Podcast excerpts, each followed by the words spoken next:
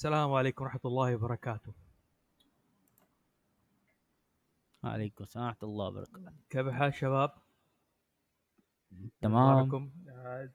والله فرمنا فرمنة طيبة. لكن يعني كنا في رحلة. دخلنا مغامرة زي ما يقول على آخر حلقة. وقت المغامرة ورجعنا تاني الآن. آه متعود دائما الشباب يشاكسوني أنتم مؤدبين مرعي وعزيز وتيك كده مؤدبين ما يشاكسوا زي بقية الشباب اللي مبرشوا ويجيبوا العيد في الحلقة. إذا ت- تبغانا شاكس ما عندي مشكلة شاكس ليش لا؟ أنا خايف أخ... أخرب المواضيع. لا أنت لا تشاكس لا لا تشاكس. أصلا من يوم موضوع الجيولوجيا أنا خلاص غاسل يدي. إيش أسوي؟ خلاص اتعلمت انه عارف؟ you must learn آه ما علينا. أول شيء ولا عارف المعلومة بس معلومية. أنا أقعد كمان ضرب مع الجيولوجيين. أقعد أقول له أنتوا علمكم أصلا ما له أي أساس كله خ- خرط. يا ولد خلاص يا مليباري أنا آسف. لا مشاكل كثيرة. تكفيك المشاكسه هذه ولا هذه تكفيك على أربع حلقات؟ لا لا خلاص. آه، ما علم كامل يا حبيبي. السلام. تفضل تفضل تفضل خلاص. skip skip تفضل. السلام عليكم ورحمة الله وبركاته. أعزائنا المستمعين يا أهلا وسهلا في حلقة جديدة من هاوس زوفي الحلقة الرابعة من الريبوت. وحنرجع مع حلقة الخيال العلمي. على طاري الجيولوجيا يعني. على طار الجيولوجيا يعني هذه المصيبة يعني. فاللهم صل على محمد. ال- نحن ماشيين في الخطة تبعنا صح متأخرين لكن إيش؟ زي ما يقولوا خ- اتصل متأخر خير لا تصل. ونبغى ش- نعذرون الأخوان المستمعين إنه حلقاتنا هذه المرة بتنزل في الشهر مرة لأنه في على أكثر من مشروع نحن شغالين كمان في بودكاست بالإنجليزي شغالين عليه بإذن الله تعالى من مع عش- 2021 حيكون اسمه The Arabian Podcast وهو خاص آه بمساعدة آه صناع صناع المحتوى والألعاب لغير العرب. يعني محتاجين أحد يتكلم عن التاريخ العربي والأساطير العربية باللغة الإنجليزية. أنا عارف إحنا ما تكلمناها باللغة العربية لسه ما غير حلقة واحدة في البودكاست القديم. لكن لكن إن شاء الله بعد ما نخلص سلسلة حلقات اللي بدأناها زي ما تقول الاساس حنتكلم بإذن الله تعالى على أساطير عربية. طيب آه، أول شيء حابب أقول إنه نحن ما غيرنا التوجه قد ما إنه إيش؟ كثير ناس يعني تواصلت معانا آه انبسطوا بالاسلوب الجديد اللي بنقدمه بالاسلوب العلمي لكن نفس الوقت حسوا بثقل يعني قالوا أول كانت حلقات خفيفة تعطينا هذه المره صار في توجه علمي وتخوضوا في اللغة وهذا الحقيقة الحلقة دي حيكون نفس المنهجية السابقة لكن بشكل أبسط حنوسع وناخذ ونعطي أكثر بدون اعتماد كثير على المراجع العلمية قد ما نعتمد على إيش؟ على الشيء الموجود اللي يفتح آفاق على التجربة. في مقولة إيش تقول؟ اصنع اسطورة صناع آه، المؤرخين إيش حيقولوا عليك؟ كذاب. لكن صناع المحتوى إيش حيقولوا عليك؟ عظيم. فنحن حنمشي على المنهج هذا، حنتكلم على الاساطير حنحيل على بعض المراجع لكن زي ما تقول ليس بطريقة علمية دقيقة. وبالنسبة للمقاله وجدنا إنه كثير بصراحة الناس ما بتطلع عليها وشوية بيأخر نزول الحلقة وعمل مرهق فحنستغني عنها حنكتفي بالمرجعية آه، بالبودكاست نفسه. فاعذروني الناس اللي كانت مستمتعة بالمقالة لكن معليش حنأخرها كمان شويتين وممكن ما عاد نرجع لها يعني. آه الحمد لله أنا قدرت زي ما تقول في هاوس زوفي آه هاوس الليل هاوس زوفي. آه قدرنا نثبت نفسنا الحمد لله إنه نحن نقدر نقدم المعلومات بشكل علمي أو وفي النهاية أقل شيء الناس إذا سمعت لنا تقدر تعتمد عليه كنوعا من المصداقية نحن ما بنكيس من زي ما يقولوا. بنجيب معلومات من بعض الكتب العلمية ومن بعض ال- الكتب الأدبية وفي نفس الوقت من مصادر متنوعة من الثقافات الشعبية. جميل جدا. طيب بعد ما خلصت المقدمة الطويلة دي وخرجتها كذا خلينا نبدأ الحلقة. أول شيء أحيي الشباب الموجودين اللي عندي. آه من وراء الكواليس اللي قاعد يسجل الحلقة دي أحمد با محفوظ هاي. هاي. هو بس مسجل يعني. يمكن ينبرش كذا يدخل اذا لقى موضوع عجبه حيدخل عليه. وأحمد مرعي من الرياض. عمتم مساء جميعا لك وللمستمعين. حياك الله حبيبي. وعندنا عزيز من الرياض برضو عزيز استراحة. هلا والله كيف الحال شباب؟ حياك الله. عزيز عندنا عزيزين عزيزين تبع جبهة فيرس عزيز جبهة وعزيز استراحة. وعندنا اللي ما يعترف بعلم الجيولوجيا واللي يطلعوا من البترول والأحجار والمعادن وتزحموا الدنيا واللي يدرسوا بلورات وتقسم الأرض. أحمد مليباري. الله يحييك حبيبي الله يحييك. تقول لي ما تعترف بعلم الجيولوجيا؟ لا هو شوف أنا إيش أسوي؟ شوف أنا okay عارف إن في علم جيولوجيا علم المعادن أحترم العلوم بس أحيانا لما تيجي تعطيني كذا معلومة يا أبوي انت تقعد تصرف على باقي الاوصاف آه انه التحول بعد 45 مليون سنة. يا ابني حاليا انت كيف حسبتها تعال تعال. حتى لما توصل كذا معاه يعني شغال أقعد أوصل معاه في نقطة. هو يقول ما أدري. طب لما تقول ما أدري طب أنت كيف ليه تضحك علي يعني؟ يعني يعني واحد من آه أوكي خلاص. يا لا أنا إيش بقول؟ إنه أحمد مليباري يعتبر من المراجع غير معتمد عليها في البودكاست. إذا قالوا كلام خذوا كذا استمتعوا فيه وهذا. قال كيف. حسبوها؟ واليورانيوم والزحمة حقته لا لا هذه كيمياء كيمياء كيمياء استنى إذا تقول ال elements هذه alchemy تكون في عادة في خلاص الكيمياء أنا آسف. أنا- خلاص، أنا والله سل... والله أنا آسف. يعني نصدق ال alchemy بس ما نصدق الجيولوجيا سبحان الله على قال شوف الكيمياء تتفاعل. في تفاعل. أول شيء الكيمياء الله يرضى عليك. خيمياء اللي هو الكيمياء القديم السحر حق إيه آه هذا حق ال- إيش اسمه ده الأنمي ده الدوت على آه، سيرة فول فول أكتوبر. ميتال الكيمست فول ميتال الكيمست. تمام؟ أما الموضوع الثاني هذاك الكيمياء chemistry موضوع ثاني تماما. ما عليه ما عليه. آه okay عوافي عوافي. عوافي. طيب. حقيقة اللي كتب الموضوع ده هو أحمد مرعي هو اللي حط المحاور هو زي. فأنا حأعتمد عليه كثير في الحلقة دي. ونوعا ما هو اللي حيوجه شوية آه، من فين حنروح إيش حنبدأ هذا. أحمد قرر إنه يبدأ الحلقة دي بنشأة الخيال العلمي. قال إنه إيش أول المحاولات الأدبية في المجال حتى مع عدم تصنيفه كنوع من الأدب. إيش تقصد حبيبي مرعي بالموضوع اللي قلته ده؟ نشأة الخيال العلمي. أول أول كتابات الخيال العلمي ما كانت مسماها خيال علمي. أول شيء خيال علمي لو ال- ال- المفردة جاية كيف؟ خيال مع نظرية علمية. لما تجيب لك العلم حلو. خلينا نقول مثلا عن علم الجينات. تأخذ علم الجينات تأخذ فكرة بسيطة عنه وتخلطها مع قصة من تأليفك هذا يسموه خيال علمي. لكن حكاية إيش؟ أول قصص كانت للخيال العلمي ما حسبت إنها والله فيها علم لكن بعلوم ذاك الوقت. مثلا زي خلينا نقول ملحمة قلقميش نوعا ما. في في في في أدباء يصنفونها على إنها خيال علمي. كيف؟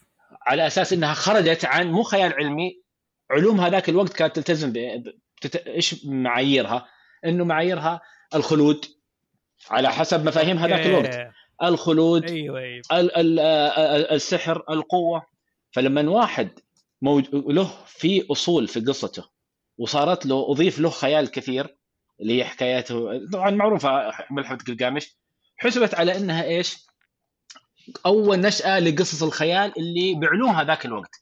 نفس الشيء عندك قصة اللي هي رحلات جلفار. جلفار؟ جلفار هي رحلات. جلفار. أو قلفر. عفوا. إيه رحلاته اللي هي كانت وين؟ راح لأرض فيها عمالقة وأرض فيها أقزام. فهذه حسبوها على أنها يعتبر أنها قصص خيال علمي لكنها كانت بعلوم هذاك الوقت. الناس كانوا متخيلين إنك تروح مكان مهجور ممكن تلاقي فيه كائنات أو ناس غريبين. فالكاتب تخيل إنه بيلاقي ناس أقزام وناس عمالقة. فهذه حسبت على أنها إيش؟ خيال وعلوم هذاك الوقت.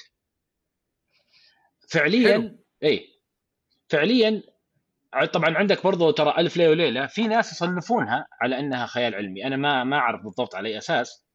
عرفت هذا الشيء؟ ما, ما أدري. عندك في قصة اللي هي حق ابن نفيسة اللي هي حق ال ال-. ما خلني خلني أتذكرها اصبر. ثواني بعد إذنك خلني أحاول أبحث عنها.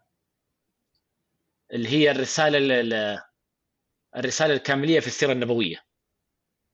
أوكي. طبعا هي كانت جزء من الفلسفية حق حي بن يقظان. أوكي ابن نفيس إيه. قصدك. ابن النفيس عفوا ابن النفيس. ف أيوه أي ف اللي هو تطرق لموضوع حي بن يقظان. حي بن يقظان طبعا معروفه إنها هي حق ابن طفيل. حي بن يقظان هذا الفكرة آه. كلها إيش فيها مليان خيال وبعلوم هذاك الوقت. فهذه أمثلة بسيطة من القصص اللي ما حسبت على إنها خيال علمي لكنها بذاك الوقت بعلوم ذاك الوقت تعتبرها خيال. وهذه طبعا. تلاحظ إنها ترى تتكلم أنت عن حاجة 1700 في الميلادي. زي رحلات. جلفر 1700 و... ما أعرف كم بالضبط. قبل 300 سنة يعني. نعم. آه فوزي خلينا خليك ثواني معي فوزي ها؟ معلش في جاني شخص بيزورني في المكتب. ثواني يا شباب عزيز أنت. كانك كأنك تعرف عن شوية عن رحلة قلفار آه عندي فكرة بسيطة عنه يعني. حلو ما- أدينا فكرة. آه جالفر هذا فكرة إنه واحد آه طلع رحلة كان يعني عنده رحلة عادية يعني مثلا كان بيسافر من مكان لمكان ناسي وش كانت. وصراحة أنا ما أنا قاعد أحاول أتذكر من شيء يعني سم أو شفت فيلمه ولا شيء قبل قبل سنوات فما يمكن ما يستحضرني كامل الحين. جالفر كان بيسافر رحلة عادية يعني من من بلد لبلد. بس إنه أختفى. ورجع بعد عدة سنوات لقوه. okay؟ وقالوا وين رحت؟ فقاعد يقص لهم قص- قصة. عن رحلاته مرة راح. من أشهر الأجزاء من الرحلة حقته إنه قام هو ظهر غرق في القارب ولقى قام لقى نفسه على شاطئ. okay, okay؟ يوم جاء بيتحرك بيقوم ما قدر. أها أيوه أيوه. هذا المشهد احس كثار قد شافوه قبل. أيوه أيوه أيوه. اللي صح ولقى أقزام رابطين له عقده اصبع رابطينه. أيوه بالضبط. أيوه أيوه أيوه. فجاء أقنعهم إنه مو شرير وإنه هذا وصار عايش معهم مدري إيش وصارت أشياء بعدين تمشكل معهم بعدين انحاش بعدين راح لهم جزيرة كلها عمالقة ومدري إيش بعدين ظهر راح جزيرة كلها خيول يتكلمون. في يعني مغامرات تصير. حلو. حلو. يعني أوكي ب- هذه كنا نفتكر المشهد هذا دائما في إيش؟ في حكايات عالمية اللي كنا نتفرجوا. أيوه يعني كانت تجي مقدمة الظاهر. دائما تيجي كذا وتشوف مربوط. صدق وعمري ما شفت الحلقة دي. كنت دائما الحلقة الوحيدة يمكن فاتتني. يمكنها ما الربط يمكنها ما دبلجت لأن ما دبلجت أصلا. ما لا أظنها جات أظنها تجي يعني. أظن جات في أكثر من في الكرتون قبل كذا جاء على التلفزيون. حلو. okay آه فهي طيب. أتوقع تصنف تبع الخيال العلمي لأنه هو ما فسرها بسحر. okay؟ ما قال أوه ليش يخزم والله سحر. قال okay في جزيرة وفي نظرهم في علم ذاك ذاك الزمان إنه شيء علميا منطقي يعني علميا مسموح. okay؟ طبعا ال sci-fi ذاك الوقت أو الخيال العلمي طبعا حن العلم في ذاك الوقت ما كان مثل علم الحين okay إحنا الحين نعرف إنه والله مثلا جسم الإنسان بهذا الحجم صعب يتكون صعب يعيش شيء زي كذا إنه مو منطقية وإنه كيف يتطور زي كذا وأشياء. أيوه أيوه أيوه أيوه okay في هم في في وقتهم قد يكون في okay في نظريات يعني عند عند العلماء نفسهم بس في عامة الشعب هذا الشيء مو بإنه شيء منتشر فعلميا والله ممكن ليش لا؟ أيوه يعني هو صادق كان زمان يعني في مقولة يعني حكاية حكاية العلم كيف يفسر. هذا باب جم- جميل فتحوا علينا مرعي. إنه مثلا في أحد العلماء آه، اسمه مولر. okay. بي إيش بيقول؟ هذا من علماء الإنسان الظاهر هو لكن إيش بيقول؟ تكلمنا عليه في الحلقة الأولى. بيقول إنه الأساطير تعتبر في ذاك الزمان فوق زمايتها هي العلوم البدائية لأقوام القديمة. إنه علم الأساطير وعلم النشأة وزوس ودخلت والزحمة حقها هذه كانت تعتبر هذه العلوم البدائية. فحلوة الانطلاقة إنه كيف ننظر لها ميلاد الفكر آه، فكرة الخيال العلمي. يعني كان الناس تظن مثلا السحر علم مثلا. بناء يعني- على هذه في مقولة مشهورة. حلو. تعرف طبعا الكاتب آرثر سي كلارك أحد من أكبر كتاب ال sci-fi عنده آرت آرتست إيه؟ آرتست؟ آرثر سي كلارك. آرت آرثر سي كلارك. الشباب إيه. اللي بيسمعونا سجلوا أسماء الله يرضى عليكم لأنه أحد مهمه جدا المهتمين بالخيال العلمي حلو كمل. okay. فهو عنده اللي هو three laws ثلاث قوانين في ال sci-fi واحدة منها من أشهرها اللي يقول any sufficiently advanced technology is indistinguishable from magic؟ إذا كان العلم متقدم جدا متقدم جدا ما تقدر تفرق بينه وبين السحر. فيعني. أنت لو يعني لو انت لو أنا الحين رحت على عهد شو اسمه الجاهلية وريتهم الجوال حقي ما خمس دقائق قصيني بيقولون وش الساحر. صحيح. حتى مو يبا مو بوقت الجاهلية لو أرجع شو اسمه لو أرجع آه، 100 سنة ورا على وقت جدي واجيب اوري الجوال كذا فيديو بينهبل. يقول أنت ساحر آه، ساحر أو مجنون. صادق صادق. حدث في قصص كثيرة ترى في التراث موجودة على حكاية الراديو أول ما دخل وكيف الناس تعاملوا معاه وكان في في في نعم صحيح. يعني هذا كلام يعني على قولك عزم جد كان فعلا. بس المق... حلو عد لي بالله المقولة الأولى كذا عشان كذا دهشتني شوية بالله. إيش آه، هي؟ هي؟ هي القانون الثالث حقه. Any sufficiently advanced technology is indistinguishable from magic. أي تكنولوجيا متقدمة آه، جدا بتكون لا, لا تستطيع التفريق بينها وبين السحر. حلو. وإيش القانون الثاني؟ آه، القانون الأول والثاني القانون الأول طبعا هي هذه الأشياء مو في ال sci-fi قد ما هي لها دخل في الكتاب كتابة ال sci-fi للرو- للرواة. حلو حلو ممتاز. هذا مرة ممتاز. هذا الكلام اللي نبغاه أيوه. okay. يقول لما الظاهر إيش كانت؟ آه لما عالم كبير في السن يقول لك إن شيء آه ممكن شيء مقابل الحدوث فهو دائما على حق. ولكن إذا قال لك شيء هذا شيء مستحيل فهو في العادة على خطأ. ليش يعني؟ هذه في في الكتابة إذا جاك واحد بروفيسور في في فيلم أيوه. ولا كتاب قال لك آه هذا شيء ممكن نسويه دائما تقدر تسويه في الكتاب في الروايات في ال... يعني في القصص أيوه أيوه إذا إذا واحد شايب قال لك أوه هذا شيء مستحيل تسويه في الغالب إنه لا يقدرون يسوونه. okay؟ هذا مو مو مو من شيء علمي هذا من قانون لا لا الكتابه لا الرواية أنا أنا بفهم هذا القانون حق الكتابة بالله عد لي إياه ثاني جدا okay. ضروري يقول لك إذا كان في عالم بروفيسور يعني كبير في السن okay؟ أو يعني خبير أو شيء زي كذا يعني مو إنه واحد جديد كذا قال إن هذا الشيء ممكن فدائما في الكتب في الروايات يصير كلامه صحيح okay okay.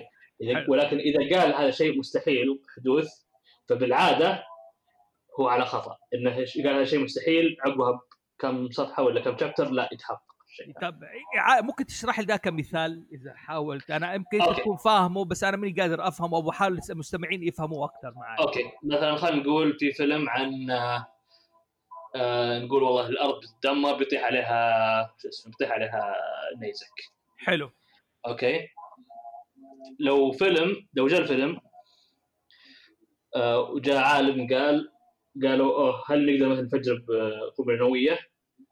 وقال ممكن.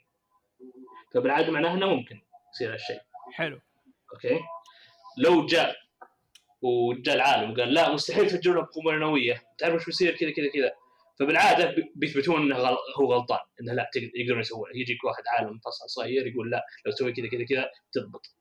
okay يعني هذه بقول الكتابه دائما جاء واحد إيه. دا يقول لازم واحد يجي يعارضه. يقول له لا ترى ممكن تصير وتسوي كذا كذا كيف عنا كذا.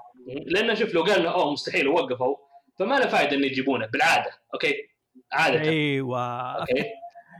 أفتكرت هذا المشهد عارف إيش؟ في آه، فيلم آه، إيش اسمه؟ ارماجدن مهم. حلو.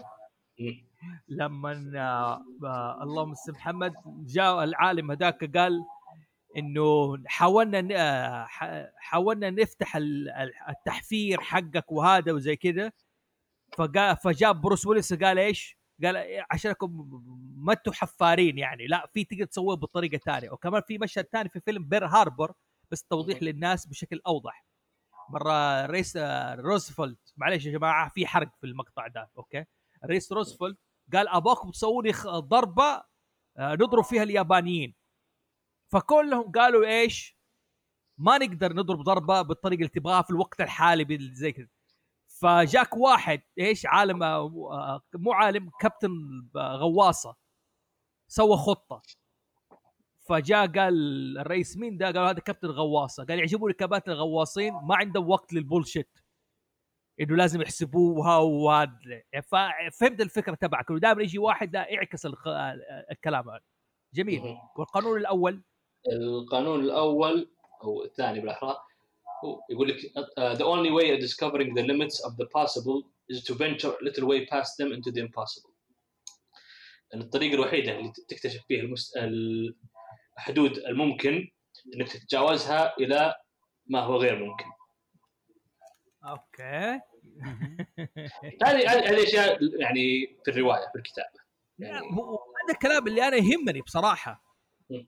يعني هذا يهمني خليني نعيدها ثاني هذه قوانين جدا مهمه نحاول نشرحها. أنا الحين قاعد أتعلم برضو. أوكي يقول لك الطريقة الوحيدة اللي تكتشف إيش الأشياء الممكنه الممكن حدوثها إنك تتجاوزها شوي تدخل في عالم المستحيل حلو. يعني أدينا مثال أدبي لو عندك. أي أحد شباب لو عنده مثال أدبي على الكلام اللي بيقوله عزيز ساعدوه. والله مشكله ما في بالي شيء. أم، طيب ما عندكم مشكلة. خلينا نتجاوزها دحين. بس فادينا مثال كذا من راسك حتى لو زبط يمكن أفتكر معاك. مثال أدبي تبغى؟ اللي هو ف- فرانكشتاين. أوكي. يعتبر من الخيال العلمي. أي لا لا أنا أنا أتكلم عن القانون اللي قال عليه عزيز. بالضبط أي نقطة تبغى فيها بالضبط. أي الثاني ولا لا ما لا م- سلف الأولى الأولى اللي إحنا لسه في الأولى ف- خلصنا الثالث وخلصنا الثاني والقانون الأول دحين نحن آه أوكي. اللي هو البوش ذا ليميت أيوه بوش زلمت اي بوش ذا ليميت آه استنى خليني أفتكر حاجة. طيب ما علينا. آه عزيز حاول هلا. تشرح لي إياه ثاني عشان أقدر أفتكر معك مثال. okay. بالعربي. يقول لك الطريقة الوحيدة لتكتشف حدود الممكن هو إنك تتجاوزها وتدخل فيما هو غير ممكن. هذه طبعا شوف المقولة نفسها فيها تعارض. أها okay؟ فيها contradiction أيوه يعني هو أيوه. كيف كيف تسوي ش- كيف تكتشف وش حدود الم- الم- الممكن؟ إنك تسوي الشيء الغير ممكن أو شيء تسوي الشيء المستحيل. okay okay. يعني فهي منطقيا علميا doesn't make sense لأن فيها تعارض. ولكن ككتابة قصة فكرة حلوة. معليش أنا هنا حستفيد أيوه تفضل. أحس انه يعني كان لو قال okay مستحيل تسوي زي كذا فوش يسوون؟ يسوون الشيء اللي أبعد من أو لا أو هو بيسوي شيء ما يدري هل هو ممكن ولا لا. فمو بس يسوي يسوي الشيء اللي بعده يسوي شيء مستحيل. هذا تصوري يعني الصراحة ماني متأكد. أنا هذا تفسير من عندي. ما ودي أقول إنه هذا التفسير فعلا بس انه هذا اللي أحس إني طلعت فيه. طب حلو. خلينا أفس... أستفيد بكلام اللي بار على فرانكشتاين. حلو؟ يعني فرانكشتاين مثلا كائن يقول لك مستحيل إيش؟ آه، إي- آه، إعادة إحياء شخص ميت. okay. okay. في القصة أعادوا إحياء شخص ميت. okay. okay؟ يعني هذا هو خش في المستحيل لا هو أحيي شخص. نفس المثال الأول اللي قالوا إيش؟ مرعي يعني على جلجامش الخلود. إنه البحث إنه مثلا حجر فيلسوف ممكن يعيد الخلود. لا تلاحظ أنت أصلا إنه فعلا في الخيال العلمي دائما في فكرة إيش؟ إحياء الشخص هذا. زي حجر فيلسوف في فول مثل الكيمست. آه اللهم على محمد غير كذا ال- الصوف الذهبي. اللي يحيي الشخص طبعا بعلاقة السحر بهذا أوكي أنا وصل بالنسبة لي وصلت وان شاء الله المستمعين وصلت لهم. طيب حلوة المداخلة دي عزيز الثلاث نقاط. مرعي رجعت لنا؟ لا لسه حاطط ميوت مرعي أوكي. آه خلينا ننتقل طيب لليش آه للخطوة هذه اللي بعدها. أوكي. ميلاد الخيال العلمي وبداية تصنيفه كنوع من الأدب. آه متى أنا- بداية؟ آه قول ما- آه. آه. ملي باري قول. اي لا لأنه أنا هنا عندي سؤال. أسأل. هو عامة لما زي لما قعدت أبحث شوية في الموضوع الخيال العلمي دائما هم يصنفوه لاحظ من الكلام آه يصنفوه سب جانرا أو تصنيف فرعي للفانتازيا. آه مو إنه سب جانرا بقد ما هو إنه شوف دائما الفانتسي والساي فاي متقاربين بعض متقاربين من بعض لأنه مرات صعب تفرق بين الاثنين. يعني مثل الامثله اللي ذكرها أحمد مرعي إنه فيه أشياء من زي الف ليله وليله أشياء من تصنف خيال أشياء من تصنف خيال علمي. أوكي؟ طبعا حاليا إحنا كلنا نصنف- نصنفها خيال تصنيفنا تصنيفنا الحالي. أوكي؟ أي. بس مثلا آه أول شيء في تقارب كبير بين الجانرا. مثلا امازون تحصل دائما يقول ساي فاي اند فانتسي هذا يقول مثلا ابحث عن كتب زي كذا. فبالعاده اللي يحب كذا فيه على الاقل ما كان ما حب هذه فعنده على الأقل اهتمام بسيط في الثانية. يمكن يفضل واحدة على الثانية زي ما واحد مثلا قد يفضل سب جانرا الفانتسي أو سب جانرا الساي فاي على الاخرى ففي تقارب كبير بينهم. ولكنه ما نقول إنها سب جانرز البعض. هي كل كل اثنين هم سب جانر الفيكشن مظبوط. هو الفيكشن ال- نفس الفانتازيا لها حلقة غالبا ليه علاقة بالسحر. لكن السحر ده لو توظف كعلم إيه، فهو هو في مصطلح اللي. هو كوجنيتيف سترين كوجنيتيف أو سترينثمنت معلش خليني اعيدها كوجنيتيف استرينجمنت يعني؟ يعني يقول إذا أنت في شيء خيالي في كتابك. إذا أنت قدرت بطريقة ما تفسره بشكل منطقي هنا صار خيال علمي. أوكي؟ إذا ما خل إذا تركته كذا قلت بس أو اتس ماجيك هنا صار خيالي. طبعا هذا مو تصنيف يعني ثابت بس إنه زي ما تقول آه شوية جايد لاينز قد قد تستفيد منها في تحديد أنت هذا الشيء فانتسي ولا خيالي. حلو. حلو. جميل. يعني ممكن لو أعطي مثال. ستار وورز من زمان يوم كانوا يقولون اوه في ذا فورس أوكي يوم كان بس ذا فورس أوه في شيء اسمه ذا فورس وهذا سحر هنا صار أقرب للفانتسي من ناحية الفورس. أوكي؟ بس يوم جو تفلسفوا وقالوا أوه في ميديكلوريانز ومدري إيش وخرابيط زي كذا وخربوها. هنا صارت هنا عشان صارت عشان عشان أشرح للناس الموضوع الناس ما تعرف ستار وورز يعني. أوكي؟ ذا فورس هذه القوة اللي موجودة في عالم الجداي اللي يعتمد عليها في كثير من قدراته. تمام؟ مثلا رفع مثلا رفع السفن من ال- من السفينه الحربيه من الماء التحكم بالعقل مدري زمان كانت فيها نوع من الخيال إنه الشخص زي ما يقول يستلف القوة دي. لو ترجعوا لحلقة السحر في البودكاست القديم شرحناها كيف الشخص ممكن يستلف القوة من الطبيعة. فصار مايش نوع من السحر. لكن لما صار في قوانين إنه لازم خلاياك تكون متفقة مع عندك نوع من الخلايا هي اللي تحدد قدرتك لا مو آه. مو بس كذا لا قالوا إنه في في كائن آه مو بوحيد يعني كائن صغير ميكروسكوبي إيوه إيوه كل- في كل مكان في الكون أوكي وأنت ال ال الخلايا هذه أو الجزيئات منه هذا شو اسمه الميديكلوريانز اللي. جوا جسمك تتعامل مع الميديكلوريانز اللي برا جسمك. في فلسفة كانت بايخة ما حد عجبته إيوه إيوه إيوه إيوه عقب عقب ما جابوا طاريها هناك عاد ما عاد جابوا طاريه ثانية نسوها. كانه أي. كان كأنها ما صارت يعني نسوها. في ابسود 1 هذا. آه الظاهري إلى في ابسود 1 ابسود 1 فاكرها المقطع ده فاكره المقطع ده وقت ما أخذ عينة قال اولموست لايك مراخذ بال- إيش اسمه؟ انيكن سكاي ووكر. أخذ عينة كده من هذا قال اولموست لايك ماستر يودا ف... إيه. يعني فهمت اذا الشيء خلوه له قوانين رياضية وعلم العلم الأحياء وزي كذا هنا تحول زي ما يقول نوع من إيش؟ الخيال العلمي. طيب جميل مرعي رجعت لنا؟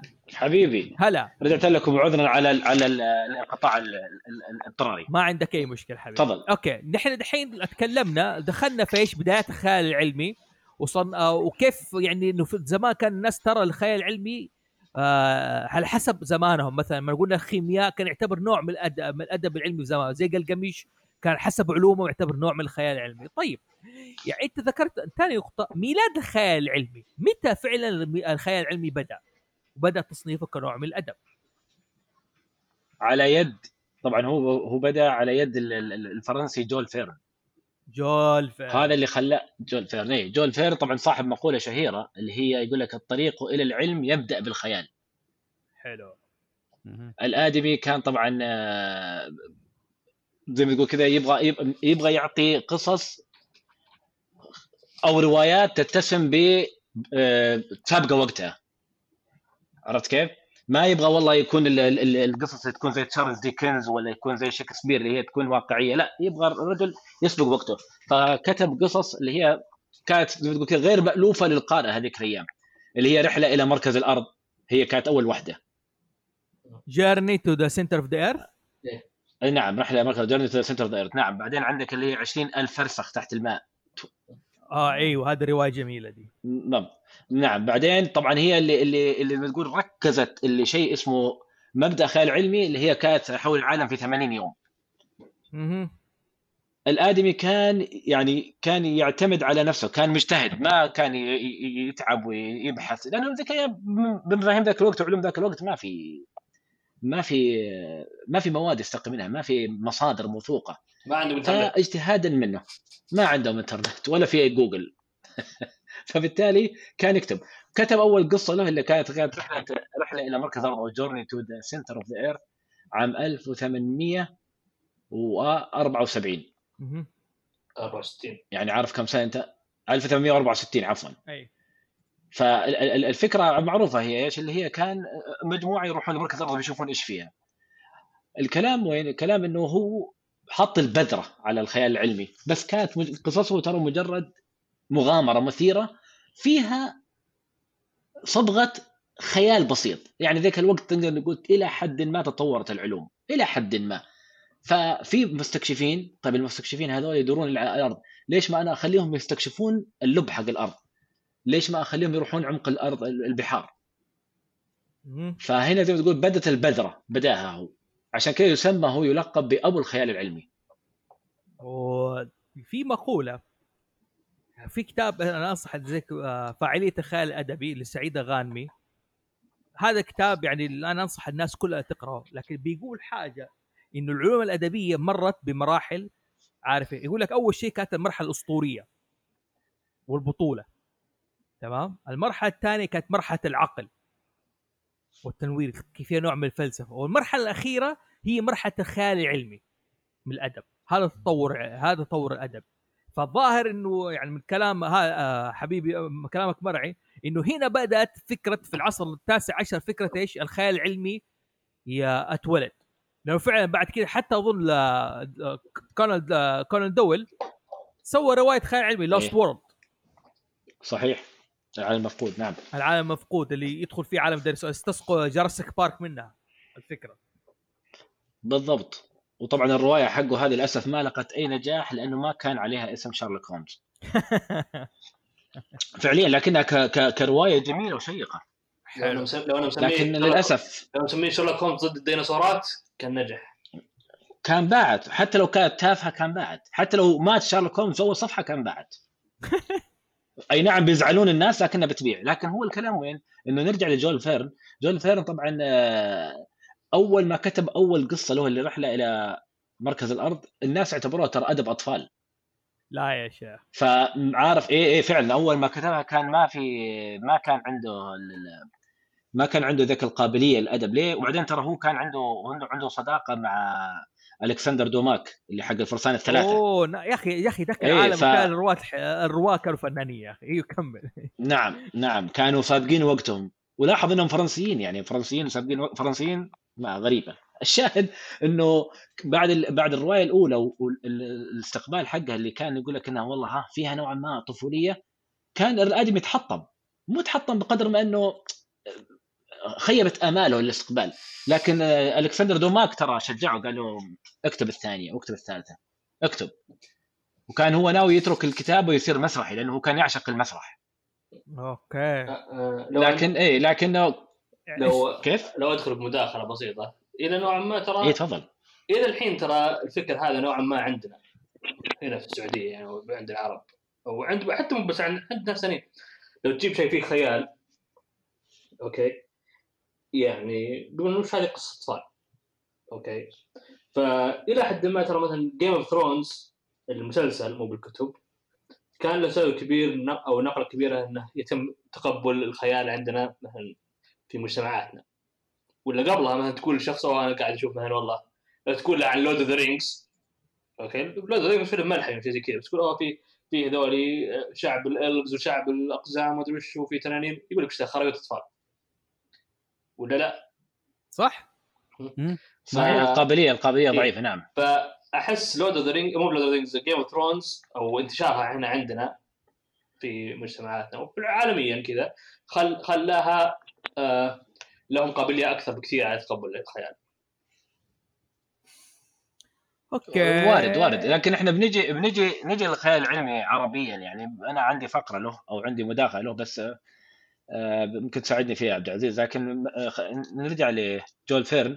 أيوه. طبعا كتب قصته الثانية اللي هي 20000 كانت ال- 20000 ألف 20 ألف فرسخ تحت الماء. أي. و- وطبعا بدل ما يروح القمر راح لعمق المحيطات. وكانت يعني رواية شيقة و- وفيها نوع من النواعي الملحمية اللي أحداث وشخصيات وعلاقات ما بينهم. فهو الشاهد إنه الرجل حط البذرة حق الخيال العلمي لكن ما صاغها بالشكل المطلوب. يعني ركز على إنها تكون رواية لكن أعطاها خلينا نقول صبغة فوق خيال الناس. الناس ما كانوا يفكرون آه يعني أوسع خيال الناس هذاك الوقت في ذاك الأيام في, في أوروبا إنه يروحون أفريقيا. أوه. هو لا راح القمر. هو نزل البحر. طبعا ال- ال- ال- القصة الثالثة حقه اللي هي طبعا زي ما قلنا اللي نشر شهرت شهرته هو اللي هي حول العالم 80 يوم. أها. هذه كعش. هذه اللي زي تقول كذا عام 1872 واللي صارت برضو عيش قصة أط- مسلسل أطفال السبع المدهش. مين فاكره؟ صحيح. وكان كان مسلسل جميل والله. إي حاكى. كان مسلسل جميل. وكان ترى الفكرة كلها ترى كانت رهان. رهان إذا تذكرون بينه وبين شخص ثاني. اي اي اي إنه أنا حلف العالم خلال 80 يوما. كان هو بين الهياط إيه. النبلاء هي كذا كانت الهرجه افتكر يعني إنه أنا أسوي أنا أسوي هو هو هو بالفعل هو مرة غني يعني كان وقال أنا أتحدى ألف العالم كله 80 يوم. أفتكر الهرجه اللي في الكرتون ده بالضبط يعني. حلو. طيب. الكلام وين؟ الكلام متى تركز؟ خيال علمي كأدب عند الناس. لما جاء من هربرت جورج ويلز البريطاني. أيوة. هنا هذا الآدمي اللي فعلا جاء وحط مو حط البذرة هذا اللي حط المركز حط الوتد دق الوتد. خلاص. الآدمي فعليا سابق وقته أول قصة كتبها كانت آلة الزمن. أوه هو اللي كتبها time machine نعم. حق الايلوي نعم. وحق هذا. حلو. 1895 كتبها. طبعا هو كتب آلة الزمن بعدين كتب جزيرة الدكتور مورو بعدين كتب الرجل الخفي. بعدين كتب حرب العوالم. أوف أوف أوف أوف. الدكتور مونرو هو اللي كتبه؟ هو اللي كتب دكتور مورو إيه. حلو حلو. ال- الآدمي الآدمي فعلا سابق وقته. أي نعم قصصه كان فيها فلسفة ترى. لو تلاحظ لو تلاحظوا يا أخوان آلة الزمن ترى فيها فلسفة اللي هي الطبقات طبقية. أيوه. لكن إيش؟ أعطاها أعطاها صبغة علمية لكن كانت صبغة علمية فوق إنها سابقة وقتها وجديدة على القارئ. كان فيها نوع من أنواع إيش؟ اللي هو التحدي للقارئ. إنك أنت متعود أكتب لك شيء عن فلسفة عن الطبقية لكن حكاية إني أدخل العامل الزمن ولاحظ إنه دخل عالم الزمن في الموضوع أو عامل الزمن وشوف اللي سواه بعده. الآن فكرة الانتقال بالزمن جزء لا يتجزا من الخيال العلمي. آه, آه يا رجال هذا صار آه، هذا حل تعطوني تعطوني ثواني تعطوني ثواني معليش برجع لكم الله يكون بعونه. ما عندك مشكلة. هذه الحل السحري أصلا آلة الزمن يعني. أي واحد writer يورط في اي مصيبة في أي حاجة قال على طول. آلة الزمن. سوي reset للعالم. بس في مشكلة. قول. آلة الز... شوف الحين مو زي أول. الحين من أول كان okay تحط آلة الزمن وخلاص خلصنا يعني. تحل كل المشاكل بس الحين لا. الناس متعودين إذا حطيت حركة آلة الزمن مو شيء جديد. فالناس يعتبروها حركه رخيصه هذا الشيء الأول. الشيء الثاني إذا ما هي مجال كبير انه يكون في روايتك loopholes أو تع- تعارضات مع نفسها. okay. فلو أنت حطيت آلة الزمن قلت سوي كذا كذا كذا. بيجيك واحد يقول okay طيب والله أسوي كذا. كذا يحلون كل مشكلتهم من البداية. عرفت؟ يعني أي. مو دائما تصير فيه. آه تسبب إن القارئ ما يكون عنده آه قناعة بحلك. أوكي يصير فيها loopholes كثير أو ثغرات في القصة كبيرة. لا يعني من ضمنها حكاية ال- اللي هو آه، يعني صارت عارف كيف صارت؟ حكاية آلة الزمن صارت زي deus ex machina إيه. عارف كيف؟ وقت ما بانقذ ال- هذا الشخص دائما أسوي ح- حركة آلة زمن. كل ما يورط الشخص أسوي آلة الزمن يعني أسوي اختراع آلة زمن. عارف كيف؟ على أساس انه أنا أخر اخرجه من. ورطته. يعني ولا اقربها Kingdom Hearts وآلة الزمن والزحمة لا، شوف حقتها في في حالات لا عندك آه، اللي هو Rick Morty والله يحط فيها فلسفة عميقة آه، بس لا لحظة Rick Morty هم قالوا مت- مستقصدين إننا ما نستخدم آلات زمن هو بس يستخدم عملية العوالم صح؟ عوالم يعني. هذا شيء مختلف. فمثلا آلة الزمن شوف متى تنفع؟ تنفع في أشياء اللي القصة ما تقدر تأخذها بشكل جدي كامل. يعني مثلا زي Back to the Future، Back to the Future هزلية. أوكي؟ Rick Morty يقدرون يسوون القصة بآلة الزمن لأنها هزلية ما عندهم مشكلة. أوكي؟ آه ولكن آه مثلا آه رواية The Time Machine أو آلة الزمن هنا حلوة لأنه هو تكنيكلي ما غير في الزمن راح الماضي وراح المستقبل بس ما غير شيء ما كان في أي تغييرات آه، في زمنية عرفت مجرد مشاهدة هو انه عاش معهم واصلا أصلا أفضل نسخة أنت تشوفها لآلة الزمن تشوفها في اللي في الستينات لا تشوفها الجديد. الجديد تعيس. التعيس. التعيس اللي بعد الألفية. لا تعيس الجديد تعيس مرة. ما هو ما هو فعلا يعني كان كان تحسه بس مجرد إيش آه، مشي الحال. يلا يلا عيد عيد عيد الرواية من جديد مرة ثانية بس. يا عمي ما في عده روايه كانت أصلا كان اظن القصة الاصليه الصاحب اللي سوى آلة الزمن هو حبه للعلم. أما الفيلم الجديد صحيح، هذا صحيح. عارف كيف خلى البطل إيش؟ آه اللهم صل على محمد. كان فيلم تعيس لدرجة ما أتذكره. يعني لا لا أنا أقول لك على أساس انه معليش ححرقوا عليكم الآن فيلم آلة الزمن الجديد. اللي في بعد الألفية ححرقوا عليكم لأنه عفن. أنا ما شفته الصراحة. ما ما أدري إنه نزلوه. لا لا يا شيخ حبيبته ماتت يبغى ينقذها ورجع للماضي. وفيلم طويل هرجة بلها. و- وراح المستقبل ح- يعني عفن عفن عفن بمعنى العفن. نعم. تمام. ولو عادوه الحين مرة ثانية بيخلوا البطل حرمة وبيخلوه ل- ل- ل- بتنقذ صديقتها ف والله شوف، انتهت انتهت القصة بالنسبة خلاص. لي كواحد متابع أفلام من الثمانينات والتسعينات قديم أعرف أحسن واحد طبق عملية آلة الزمن أو الرجوع الرجوع بالزمن سوبرمان. لما لف الكرة الأرضية ديك لقطة إيقونية. صحيح. لما عكس دوران الأرض عشان ينقذ آه هذه شو اسمها؟ لويس لين. إيه، لويس لين. هو شوف هو درس الجيولوجيا لدرجه سمحت له انه يسوي كذا. هذه يقول لك المصيبة تحط واحد تقني مع جيولوجيا عاد شوف أنواع الكوميديا اللي حتطلع. لا حول ولا قوة إلا بالله. طيب فين ما- الحين وصلنا؟ وصلنا في في دو دو, دو جي ويلز يعني كان نقول سابق وقته. في دكتور مورو كانت الفكرة من ال ال ال الرواية إنه ال- الرجل انقذ من غرق السفينة. ولقى نفسه في جزيرة دكتور الدكتور طبعا مخبول عالم مجنون. يؤمن بالجيولوجيا سامع يا أحمد. أوكي. فالرجل هذا كان كان كان كان كان إيش يسوي يسوي زي ما يقول كذا خليط ما بين الإنسان والحيوان. يجمع يجيب جينات الحيوان ويخلطها مع جينات الإنسان. لاحظ إنه علم علم ال- ال- الجينات ما كان ذيك الأيام مذكور.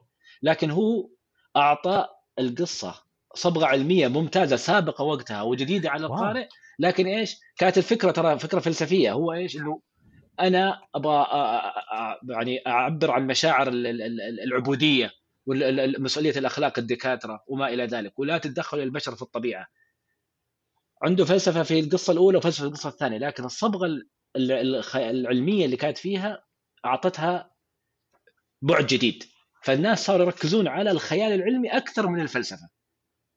هو ترى كان يت- يتحسف يقول أنا عندي عندي فلسفة أنا أنا إنسان دارس فلسفة لكن الناس ينظروا لي ككاتب خيال علمي. حلو حلو. واو. طبعا آه، برضو عندنا الرجل الخفي هو اللي كتبها وكانت قصة ممتازة. لا عارف وكانت تتكرم تفضل. لا لا على سيرة رجل خلفي أنا ما بحرق على الناس بس حجيكم آه، أديكم حاجة. آه، شفت هذا الفيلم League of Extraordinary Gentlemen إيه نعم. أوكي. آه، حتى في ال comic. تمام. جابوا البطل اسمه سكينر ما له علاقة بالبطل حق رجل الخفي ليش؟ في الرواية. لس... آه، في... لسبب لسبب مرة إيش؟ إنه الكاتب نفسه اظن أو ح... ما قدروا ياخذوا حقوق الشخصية. ما قدر ما قدر ياخذ حقوق الشخصية فيجيبوه بإيش؟ لكن أتعمدوا يجيبوا شخصية ثانية رجل خفي ما ذكروا اسمه. أوكي؟ على أساس إنه إيش؟ يكون هو البديل لسكينر. لو أنت شفت الفيلم League Extra في اثنين رجل خفي. الكويس اللي هو البطل والشرير المقصود فيه حق الرواية. آه. وحتى في الكوميك. لعبوها صح والله. اي اي عشان ممنوع يجيبوا اسمه. الأصلي وهذا. يا أخي مشكلة الحقوق الملكية هذا لازم لها حل ضروري. والله شوف لا لازم يشوفوا لهم حل. هو شوف ما أنت ما بدك انت تفتح شيء يا أحمد تكتب تكتب لك أو شيء يشتغل بعدين يجيك الواحد لا أنا أتكلم شيء قديم يا عبد العزيز. اي ترى لحظة League of Gentlemen ترى كان قديم كان الظاهر شيء قبل. لا لا أنا أتكلم على اقتباس الشخصيات. يعني الآن ال- اقتباس الشخصيات ليش ليش الشخصيات القديمه عفى عليها الدهر فوق ال 100 سنة يكون لها حقوق ملكية. والله هذا هذا سؤالي هذا هو. هذه عليه إشكالات وأفلام كثيرة بتصير. يعني بالضبط. شوف أقول لك حاجة الكاتب دائما علاقته غريبة بالشخصيات تبعه. حلو؟ يعني. دائما تلاقيه يعني زي مثلا ولا أقربها كونان دول. راح قتل لك شارلوك هولمز عشان صار أشهر منه. كان يغير منه نعم. أيوه قتلوا ها إيه، إيش عندكم؟ علاقات غريبة في- وهذا ترى هو في في حد أصلا لها ظهر 80 سنة بعدها آه، يصير شو اسمه يصير حق آه، فكري عام. يعني مثلا آه، زي أليس في العجائب بيتر بان هذه حقوق عامة. زي شو اسمه نص أفلام ديزني اللي قبل Snow White والاشياء لأنها هي روايات قديمة. حق عام. فالظريف إنه ميكي ماوس الحين يوم صار عمره 80 المفترض إنه يصير حق عام ولكن ديزني بمحامينها وكلش كذا منعوها ولا يا حبيبي يا حبيبي غير القانون يا حبيبي ما حيطير ميكي ماوس الناس اللي تشوف حق ميكي ماوس حق اطفال هذا ميكي ماوس هو اللي صنع الإمبراطورية دي كلها والله واحد صحيح. يتخلوا عنه صحيح. يعني ومعليش يعني محبي نينتندو ميكي أشهر من ماريو ما له علاقة. لا لا في ناس مقصودين ثانية يعني. ما علينا حلو. كلام كلام صح. فهنا هنا الكلام إنه جورج ويلز طبعا هو ترى من الكتاب القلائل اللي يرمزهم بالحروف اللي هو اتش جي أيوه أيوه. اي من الكتاب القلائل. ك- هو الآن اللي زي ما تقول كده خلاص حط الوتد لموضوع ال- ال- ال- كتابة الخيال العلمي. جو كتاب كثير بعد لكن اللي نقدر نذكر عنهم اللي هو آه، إيزاك أزيموف. أزموف ولا أزيموف اسمه؟ ما أدري والله والله. ذاك اسيموف أظن. إيش جنسيته؟ أزيموف إيه. هذا روسي. أوكي. ايساك روسي ايساك اسموف إيزاك إزموف إيه. طبعا هو كاتب روسي وأصله روسي هو أمريكي بس أصله روسي. ما من النوع اللي يستعر من روسيته. دقيقة بس و- اسمه ماني عارف إيش؟ يعني مرتجمه إسحاق عظيموف. له قصص كثير الله أكبر. والله هيك اسمه إسحاق عظيموف. لله دره حلو. أيوه إيش سوى؟ آيسك زيموف. ألو؟ هذا المهم نرجع لمن؟ إحنا قلنا. لا اسحاق إيه. إسحاق عظيموف. أنا إسحاق عظيموف. إيه. طبعا هو زي ما قلنا إنه مؤلف روسي والآدمي كتب كتب قصص كثيرة. طبعا اغلبها قصص قصيرة. آه، أكثر أكثر قصة له يمكن اللي بتصير حاليا مسلسل يمكن عندك فكرة عنه عبد العزيز اللي هو Foundation آه إيه. أنا ما عندي أي فكرة عنه بصراحة. آه هي عندك فكرة أنت عنه؟ واسمع هو شوف هي دائما إذا سألت وش سألت الناس وش أقرأ الخيال العلمي من من اولى أول الاشياء اللي يقترحونها اللي هي The Foundation series فأنا صراحة طبعا ما, هو اللي ما كتب قريتها فيوم قالوا إنه بيطلعوا مسلسل تحمست. يعني طبعا هو اللي كتب اي روبوت اللي صار فيلم. بالضبط يس إيه. آه شوف هو هو العالم ما يعتبرونه ما يعتبرونه كاتب له له يعني له ثقله زي الاثنين اللي راح اللي, راح اللي قبله. لكن الكلام وين الكلام إن الرجل كان آه، دارس. واللي خلاه يصير زي ما تقول كذا له صجة بين المهتمين بعلم الخيال العلمي انه الرجل كان عنده قناعة عجيبة إنه مقتنع إن الآلات لها مشاعر. هو مقتنع قناعة تامة فعلا انه الآلات لها مشاعر. اللي لم اللي يعرف إنه هو كتابات فيه فيها فلسفه إيه، هو فيلسوف هو هو آه، آه، دارس كيمياء. لكن كان عنده القناعة هذه حتى كان كان واحدة من القصص عنه إنه عنده تلفزيون قديم ما رضي يبيعه. يقول هذا التلفزيون هذا أنا وياه نحب بعض. لو راح عند أحد ثاني ما بيشتغل. آه كان كان عنده عنده القناعة هذه كان عجيب الآدمي. حتى لو تلاحظ آه، تذكرون ال- فيلم اي روبوت كان الآلة فيها مشاعر. آه. هو عنده عنده القناعة هذه. لأنه هو الان أول كان آه، ذكاء اصطناعي. فهذه الفكرة. وهو ترى ك- ك- كاتب آه، محبوك. يعني كان يدرس الكتابات حقه ما هو بس مجرد خيال. كان يكتبها. آه ممكن اتدخل كان؟ يدرسها. تفضل. أيوه لا إنه بالضبط؟ إنه أنت دوبك لما قلت كلمة إنه ال- كان مؤمن بان الآلات لها مشاعر في دحين آه، برضه في ال- آه، من ضمن الأفلام الأخيرة دحين اللي هي ال- المسلسلات اللي هي السنة اللي فاتت اللي هي في ال Kamen Riders نزل واحد Zero 1 يتكلم بالضبط عن دي النظرية إنه الآلات لها مشاعر. يعني مسلسل جميل جدا. هي trope أو كليشيه في الخيال العلمي كثير تصير. اي لا يعني- لا بس في زيرو 1 ركز العلاقة بين الإنسان والآلة. كل القصة تتمحور على هذه ال- ال- ال- الفكرة هذه. انه آه، يكون لا. له مشاعر إذا مثلا لو مثلا هل ممكن يغضب الآلة هذه الذكاء هل ممكن له مشاعر؟ هل ممكن يزعل؟ هل ممكن تقم يعني ناقشها يعني المسلسل شايف جدا جميل يعني. هو شوف شوف مثلا زي عندك Blade Runner سلسله Blade Runner هي أو الكتاب الأس... أو الفيلم أو الكتاب الأساسي اللي مبني عليه اللي هو Do Do Androids Dream of Electric Sheep شيء زي كذا كانت الظاهر. آه، هي الفكرة إنه هل ال androids يقدروا يصيرون زي البشر يصير لهم مشاعر ولا لا؟ شيء زي كذا. حتى حتى ال sequel اللي هو Blade Runner 2077 لا هذيك اللعبة. ال sequel اللي نزل قبل كم سنة. آه، كانت نفس الفكرة. هل هل ال android لهم مشاعر أو إيش يصير إذا مشاعر زي البشر؟ مظبوط. ف آه، من الأشياء اللي ضمن نتكلم عن ايزموف آه، أو اسيموف آه، من الأشياء اللي يتكلم عنها اللي أو مشهور فيها اللي هو ال three laws of robotics قوانين ثلاثة للروبوتات. okay هو اللي حط القوانين هذه. إيه. حلو حق ال I, Robot يعني هي جت من عنده. إيه هو هذا اللي مو أحمد قال قبل شوي إنه هو هو اللي ألف كتاب I, Robot okay بس أنا عارف إنه هو كان ألف كتاب بس ما توقعت إنه هو القانون من عنده عارف كيف؟ آه إيه لا هو اللي اخترع الثلاث قوانين هذه حلو حلو حلو. اللي تعرف لا طبعا لما نتكلم عن لا تفضل. روح روح ما في شيء ما كمل. أنا أقول لما نتكلم عن اسحاق عزيموف طبعا لازم نقول هم هم هم ثلاثي كانوا زي ما تقول كذا هذا اللي يشار لهم بالبنان في نهضة الخيال العلمي في الخمسينات.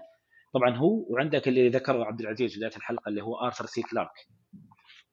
هذا اللي هو طبعا بريطاني. هو يعشق الفضاء فقرر إنه قصصه كلها تكون في الفضاء. هو طبعا اللي كتب بالمناسبة فيلم اللي هو آه، 2001 Odyssey. هذا هذا لي نقاش. هذا لازم نتناقش فيه من نخش مرحلة الأشهر مخرجات الخيال العلمي لازم نتناقش عليه لأنه كلام كبير. طيب. آرثر سي كلارك. آه. آرثر سي كلارك إيه. آه طبعا عندك هو وعندك الثالث اللي هو روبرت هينلين روبرت؟ روبرت هينلين أيوه مين روبرت هينلين؟ هذا برضه كاتب أمريكي حق خيال علمي. هذا طبعا اشتهر بقصص اللي هو تقدر تقول بوب كورن حق الفضاء زي مثلا Starship Troopers آه. حلو Starship إيه. أيوه أيوه. عرفت كيف؟ إيه إيه، إيه، إيه، نوعية القصص هذه آه هو عرفت كيف؟ هو اللي تخصص هو فيها اللي كتب Stranger Strange Land Stranger in a Strange Land غريب في أرض غريبة. بالضبط. وهذه ترجمت بالعربية على يد الراحل أحمد خالد توفيق. الله. يرحمه. آه، جميلة القصة بس هو اغلب أغلب قصصهم ما فيها طبعا ما فيها ما فيها فكرة أو فلسفة زي آه، إسحاق عظيموف. لا كانت بوب كورن فضائي. لكن كان إيش؟ كان ال- ال- الميزة فيه إنه له جمهور كبير. وهو يقال طبعا يعزو اغلب أغلب كتاب الخيال العلمي ال- ال- المتحفظين خلينا نقول إنه هو اللي خرب الذائقة. يلومونه. يقولوا أنت اللي خليت العالم إيش؟ اللي خليت القصص كلها مجرد إنها قصص أكشن وحركة ما فيها أي فكرة خيال علمي. طبعا هذا الثلاثي زي ما قلت لك هم كان يشار لهم بالبنان وهذول الثلاثي من بعدهم ترى سووا مدرسة خاصة فيهم. الناس نسيوا مدرسة جورج ويلز ونسيوا مدرسة جول فيرن، جول فيرن نسيوا العالم نهائيا. فصاروا إيش؟ صار الخيال العلمي من بعدهم هذول يا إنه فضاء يا إنه أعماق البحار يا إنه alien ما أو غزو فضائي ما صار في الخيال العلمي اللي فعلا فكرة علمية تخلطها مع شوية أدب. لين ما رجعها من؟ تفضل. اللي رجعها يا طويل العمر سام مايكل كرايتون الأمريكي. okay إيش سوى؟ س- مايك س- اللي كتب Jurassic Park okay. اللي كتب Jurassic Park كتب كونغو كتب Sphere. كاتب خيال علمي طبعا هو دكتور. تعرفوا مسلسل E, ER؟ أيوه. هو اللي كا هو ال creator هو الكاتب له. الآدمي هذا صار إيش اختص إنه يكتب قصص الخيال العلمي حقه بس يعطيها فكرة علمية بسيطة وبغض النظر حقيقة مو حقيقة هذا موضوع ثاني. عرفت كيف؟ ويحط لها قصة. Jurassic Park ترى القصة الأصلية ما هي زي الفيلم اللي هي بعوضة وفيها الفي... ال- ال- الجينات. لا لا. في لها طريقة معقدة كانت. وعندك Sphere Sphere اللي هو علماء ينزلون في في في على قولهم أعماق المحيط ويقابلون آه، كرة مصمتة الكرة المصمتة هذه مجهولة. تخليهم يتخيلون ذنوبهم ويتخيلون wow. تتجسد لهم أبشع مخاوفهم. أوه. حتى لها فيلم صار في التسعينات وفيلم كان جميل جدا برضه. فالناس كانوا يحبون ك كعشاق الخيال العلمي كانوا يعشقون مايكل كرايتن. لأنه رجع رجع الهيبة لهذا في نظرهم طبعا رجع الهيبة لهذا الأدب لكن ترى فعليا ترى هو كان سينمائي أكثر من إنه أدبي. ما يعشق السينما كان يعني مستعد لوست وورد المسلسل المسلسل لوست وورد ولا لوست؟ لوست وورد مسلسل, مسلسل اسمه لوست وورد ولا ولا لا. ايست وورد عفوا إيش اسمه؟ ويست وورد ويست وورد West ويست World. وورد West ويست World. وورد. أيوه أيوه ويست المسلسل هذا هو ترى سواه فيلم في السبعينات هو من كتابته واخراجه مزبوط إيه واللي صار إنه الآن عادوه مرة ثانية. تفضل عبد العزيز. في The Lost World اللي أنت آه، راح بالي حقت كون- حقت آه، دويل لا لا اي أنا لخبطت بين الاثنين كلهم هذا. فهو ألف برضه حق كونغو اللي هي كانت آه، بعثة علمية في تروح في كونغو. عرفت كيف؟ فيصطدمون يعني هم يحاولون يهربون فيتصدموا بلغز تاريخي مدينة أسطورية.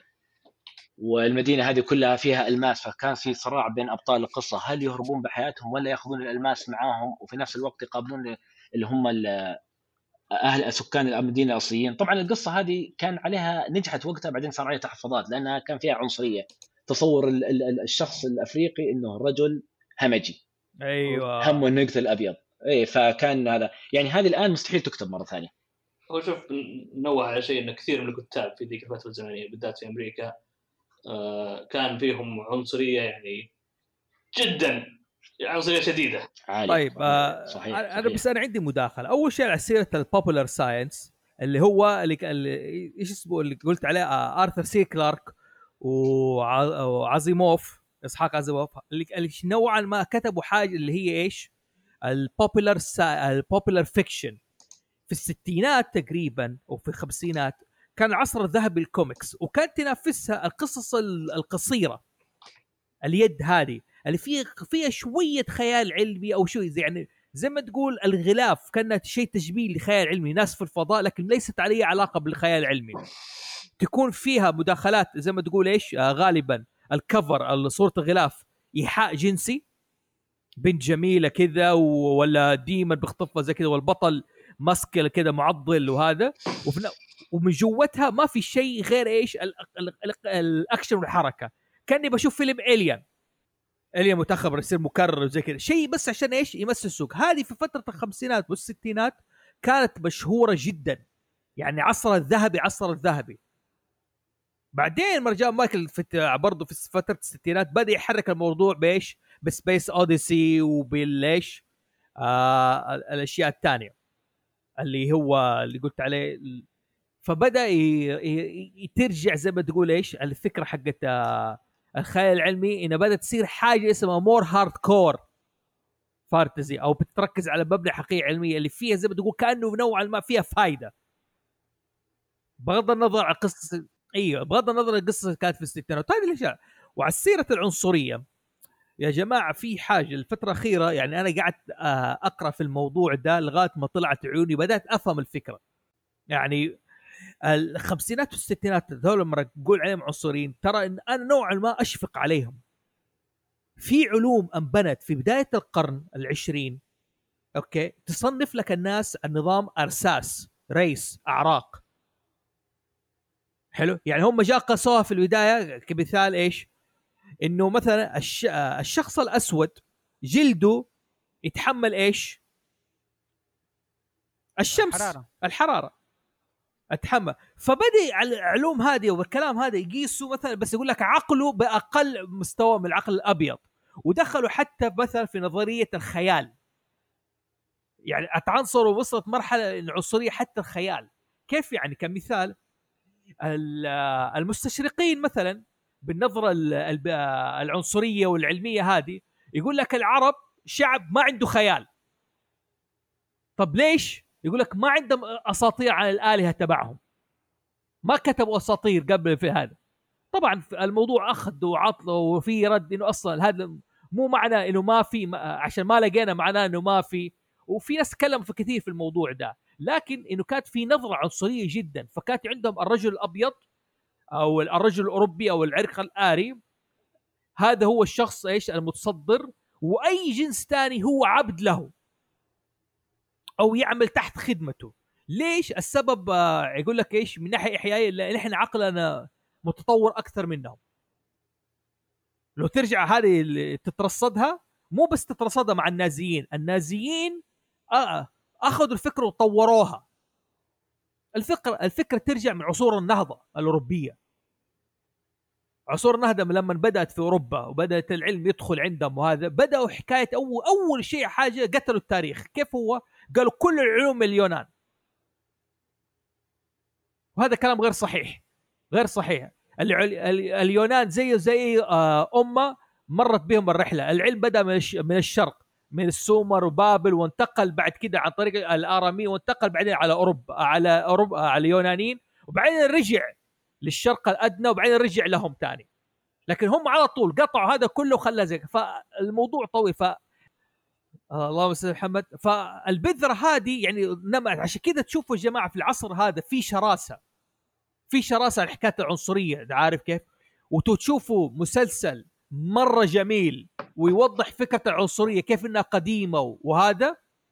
شوفوا الفيلم المسلسل حق HBO اتش Lovecraft Country لا يفوتكم. فحط في بالك ان الفترة هذه الخمسينات. يعني okay هم سووا اللي هو آه، آه، ازالوا العبوديه في أمريكا ولكن كان لا يزال العنصريه متاصله جدا. كان عندهم يعني مثلا okay الشخص اللي يعني بشرته داكنه ما يستخدم نفس الحمام اللي يستخدمه شخص آه، من يعني من البيض. صحيح كذا. صحيح. كان يعني العنصرية كانت متاصله بشكل مو طبيعي. فعشان حتى أيوه حتى سالفة الباصات ما تركب قدام الاسود يركب ورا اشياء زي كذا. أي كانت في نظرة سيئة نظرة سيئة. فلما تشوف الشراسة دحين مثلا أوكي وكيف بيتعاملوا الموضوع ده وكل شيء يقول لك لازم يكون في تنوع عرقي. لازم تحط واحدة صينية عندنا واحدة يابانية أصلا أمريكي أصلا عربي واحدة زي في أفلام مثلا غيروا شخصية بين. ترى بسبب هذه ردة فعل ظهرت دحين. إيه؟ خلاص عارف. لأن هو الناس مو مستوعبين هذه العنصرية هذه اللي إحنا نعتبرها يعني كيف كانت هذه الشيء هذه قريبة جدا. يعني لا يزال في ناس أحياء كثار لاحقين عليها. يعني هي في الخمسينات كانت موجودة أو آه، أتوقع الخمسينات. يعني في الخمسينات زمن قريب. إيه؟ إيه؟ ف يعني يوم اللي مثلا ما شاف فيلم هيدن فيجرز الظاهر حق حق اللي كيف ناسا ارسلوا شيء للقمر هو. ارسلوا أول بني آدم للقمر.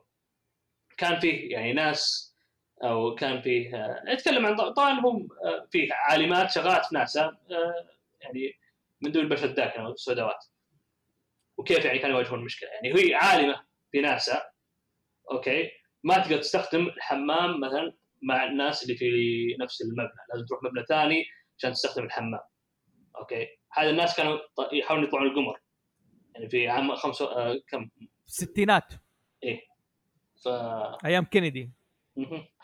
ولاحظ هذه تراها يعني مو يعني مو فراشه ولا شيء كذا هذه عالمة معهم أيوه مضبوط.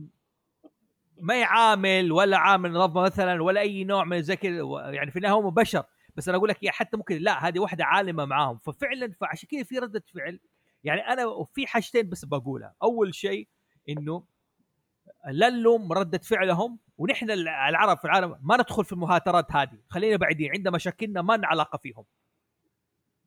تمام؟ لا ندخل أو ناخذ نتحسس بالمواضيع مثلا إنه أوه ليش غير الشخصية دي؟ أوه ما أدري. خلينا هاديين لأنه جماعة الموضوع عندهم كبير. هذا واحد. ثاني شيء ما نكون قساء على الكتاب اللي مساكين دخلوا كانوا جاهلين ودخلوا الموجة هذه. في كثير كتاب يعني بيعترفوا الآن إنه إحنا كنا غلطانين. نحن ما ندري في الموضوع ده. فخفوا حكمكم علينا. جميل. خلينا نرجع لموضوعنا. شطحنا شوي زي كذا عارف؟ بس لأنه أنت عارف أنا ليه سألتك؟ أنا حسبت آه، في واحد برضه كاتب آه يعني شوف كيف تعرفت على اللي هو الفكرة الخيال العلمي مسبقة بالأدب وزي ما تقول سيكولوجية الإنسان بشكل عام يعني اللي هو في الكاتب اللي هو هارلان إليسون. تمام؟ هذا برضه أتكلم في حاجة أنا أنا لعبت اللعبة. كانت أيامي على الكمبيوتر نظام ال DOS وال Windows الأول. اي لعبة. في لعبة click and point اسمها إيش؟ I Have No Mouth and I. Must Scream إيه عرفتها. أيوه هذه اللعبة يعني تلعبها يعني okay يعني هي تحسب زي ألعاب ال Broken Sword هذه ال click and point بس فيها لا فيها فيها تفكير فيها كلام مو طبيعي. بعدين فجأة كده اكتشف إن هي أصلا رواية. وحولوها لعبة من قوتها. حلو. يعني يحكي انه هو زي ما تقول الكمبيوتر يعني بمختصر كده مفيد يعني ماني فاكر القصة انه هو كمبيوتر آه، سوبر آه، كمبيوتر مسك الناس وحطهم زي شوف فكرة Matrix كيف الكمبيوتر أخذ وخلى الناس يعيشوا في عالم. ما نفس الفكرة. شوف أنا اللي أذكره كان هو إيه، فعلا الكمبيوتر إنه محتجز مدري ثلاث مدري أربع أشخاص فقط. مو مو العالم كلهم بس أربعة ذولي هم و- اللي فهمت إنه الأربعة اللي سوى هو زي ال- ال tournament إنه الأربعة إذا أي واحد يقدر يخرج من يعني يسوي task ولخبط العقل الفكر حقه يقدر يخرج من الكمبيوتر وينقذ ال- ينقذ البشرية بعده يعني. حتى كان فيها bad ending ترى bad ending أليم. يعني انت تتحول كده زي زي المخ كده زي العصب كده ولك عينين و... وتبى تصيح من الألم كعقاب من نفس الآلة لك. إذا ما عرفت إيش تخرج من الكمبيوتر هو- يعني. هذه الظاهر كانت الان شوف لأنه في الكتاب ما في عدة endings ما في إلا ending واحدة لأن لأنه رواية ف آه. مو هذه فك... هو فكرة إنه I have no time scream إنه فعلا صار شيء زي كذا وهو يبغى يبغى يس... البطل صارت المصيبة يبغى يصيح يبغى يزعق من المصيبة بس إنه ال... ال... آه الكمبيوتر خلاه كذا بدون فم وشيء زي كذا يعني خلاه بدون أعضاء يقدر يصيح فيها فعموما هي رواية واحدة ما. يعني لا لا نطول فيها. مم. زوف. باك.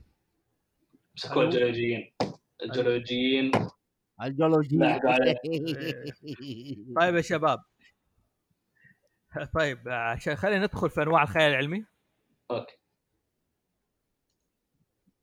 okay أنواع الخيال العلمي. لا الح... لا الحلقة حلوة بالعكس أنا مبسوط في المداخلات وهذه. حلو؟ بعد بس عشان إيش آه، المستمعين الأعزاء اللي يقولوا إيش دخلتوا الموضوع قلبتوها سياسة ولا شيء ما علينا المهم وجيولوجيين مشاكل ما علينا okay. أنواع الخيال العلمي و... أو تقريبا وض- والفرق بين الف- ال fantasy. okay؟ طيب. أول شيء آه، أول نوع اللي هو ال hard آه، اللي يسموه hardcore science fantasy وفي ال softcore هاي softcore science fantasy بدون ال core هي hard و soft تتوقع okay بالله؟ أيوه. الظاهر. أيوه. يعني هو يسمونه hard زي ما هم يسمونه hard fantasy و soft fantasy هذه أيوة. hard sci-fi و soft sci-fi okay حلو. ف آه، زيها زي ال fantasy لما تقول hard و soft في ال- ال soft يكون ال sci-fi مو التركيز. okay يصير شيء في الخلفية. يعني okay أنت تعيش في عالم في خيال في خيال علمي ولكن التركيز على الشخصيات أحداثهم وش زي كذا. ال- الخيال العلمي دوره فرعي. okay؟ ما ما يتعمق فيه بشكل كبير. أما ال hard لا يصير التركيز والقصة تدور حول هذا الشيء ال- الخيالي أو شيء الخيال العلمي هذا. okay؟ في أحد وضح فرق؟ قال إيش؟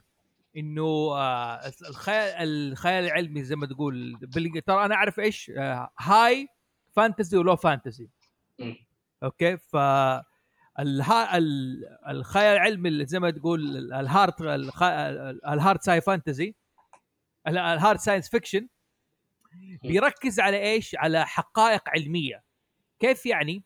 يعني مثلا بيتكلم عن الأشياء في الفضاء أشياء عن الكيمياء أشياء عن الفيزياء أما ال- ال soft sci fant science fiction يعني ما بيتكلم على شيء دقيق وممكن ينقلب إيش على أشياء لها علاقة بس بعلم النفس علم الإنسان علم الاجتماع زي ما قلت في الخلفية نوعا ما. هذه هذه في أحد الفروقات. حلو. إيش في كمان؟ آه كانواع مختلفه sub genres ثانية لل sci-fi. لا لا بين الاثنين في شيء ثاني؟ آه هذا تقريبا الفرق الرئيسي. يعني حلو. لو لو بنذكر آه، هو عموما في ال hard sci-fi يتم تفصيل لأنه مثلا هو ليش مثلا يركز soft sci-fi على الأشياء ال- مثلا علم الإنسان وشيء زي كذا؟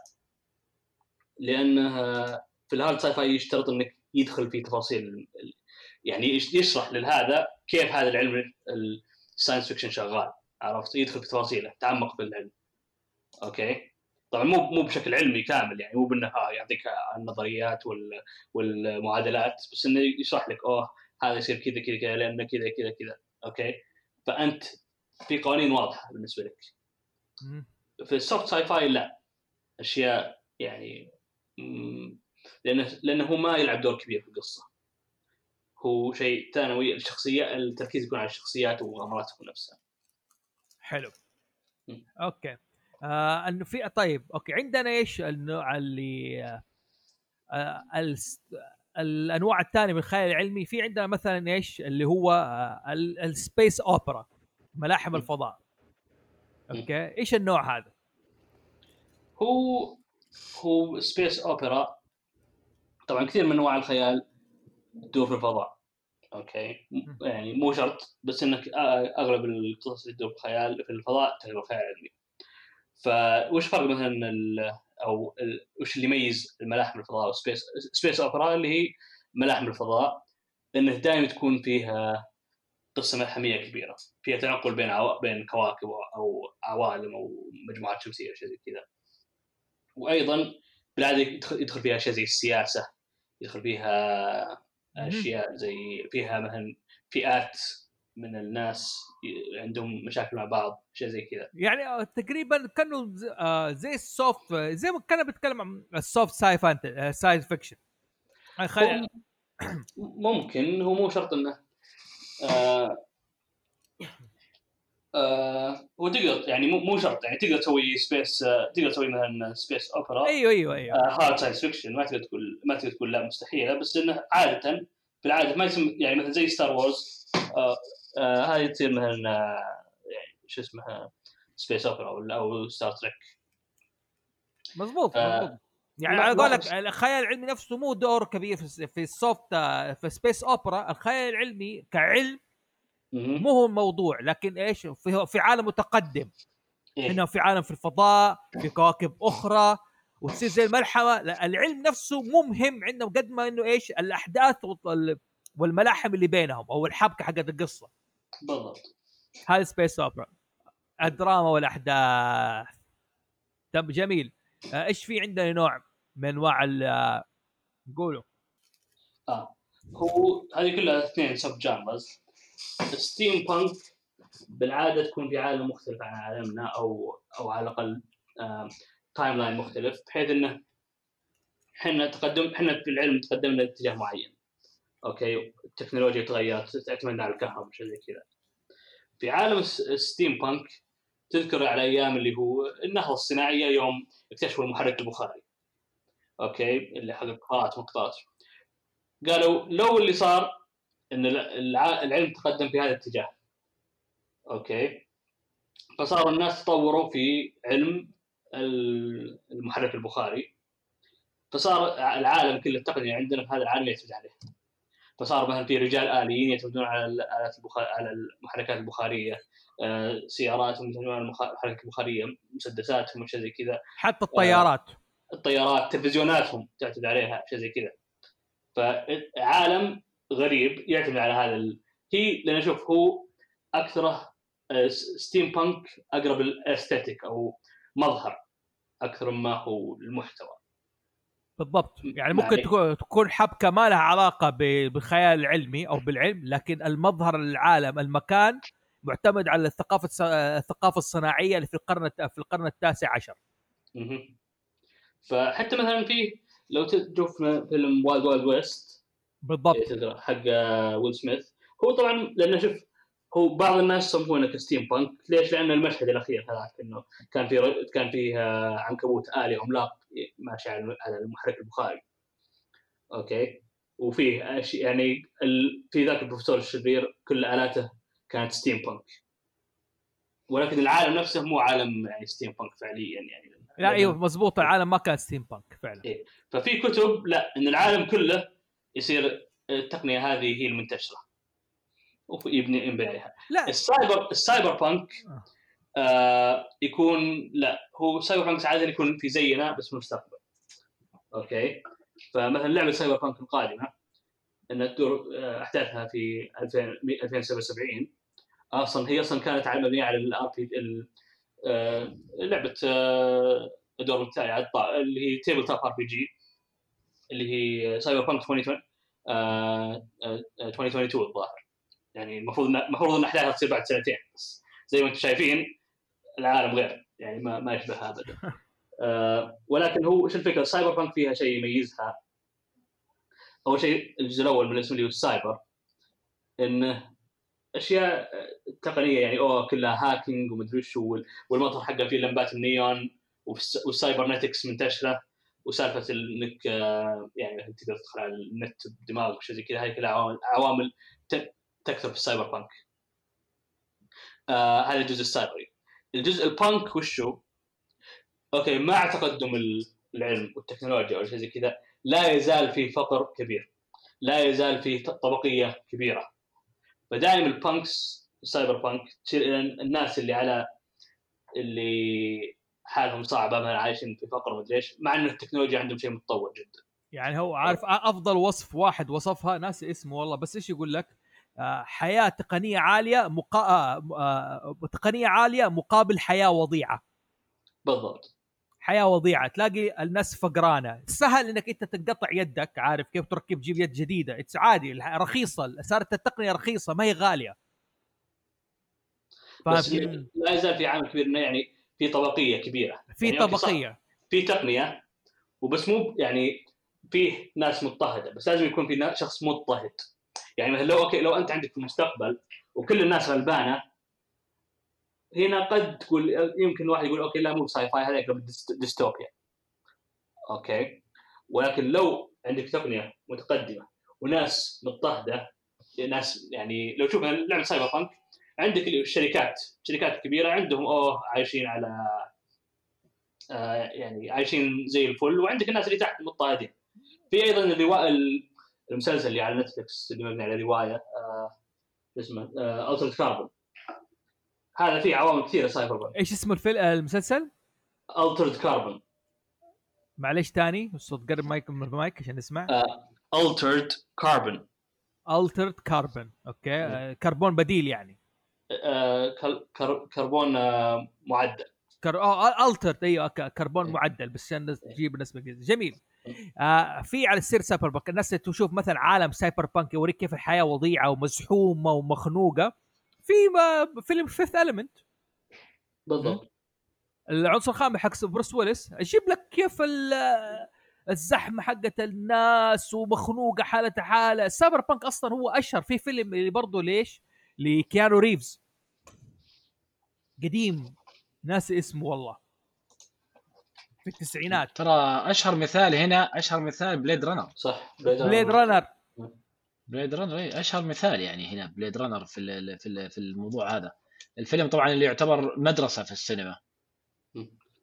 بس. أنمي اكيرا مظبوط دوب بقوله.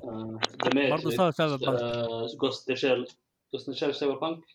إيه يعتبر cyberpunk هو Ghost in Shell okay يعني okay لا هو سياسة ما بين اللي عارف كيف إيش أقول لك؟ آه ما بين إيه بس هو لأنه ال...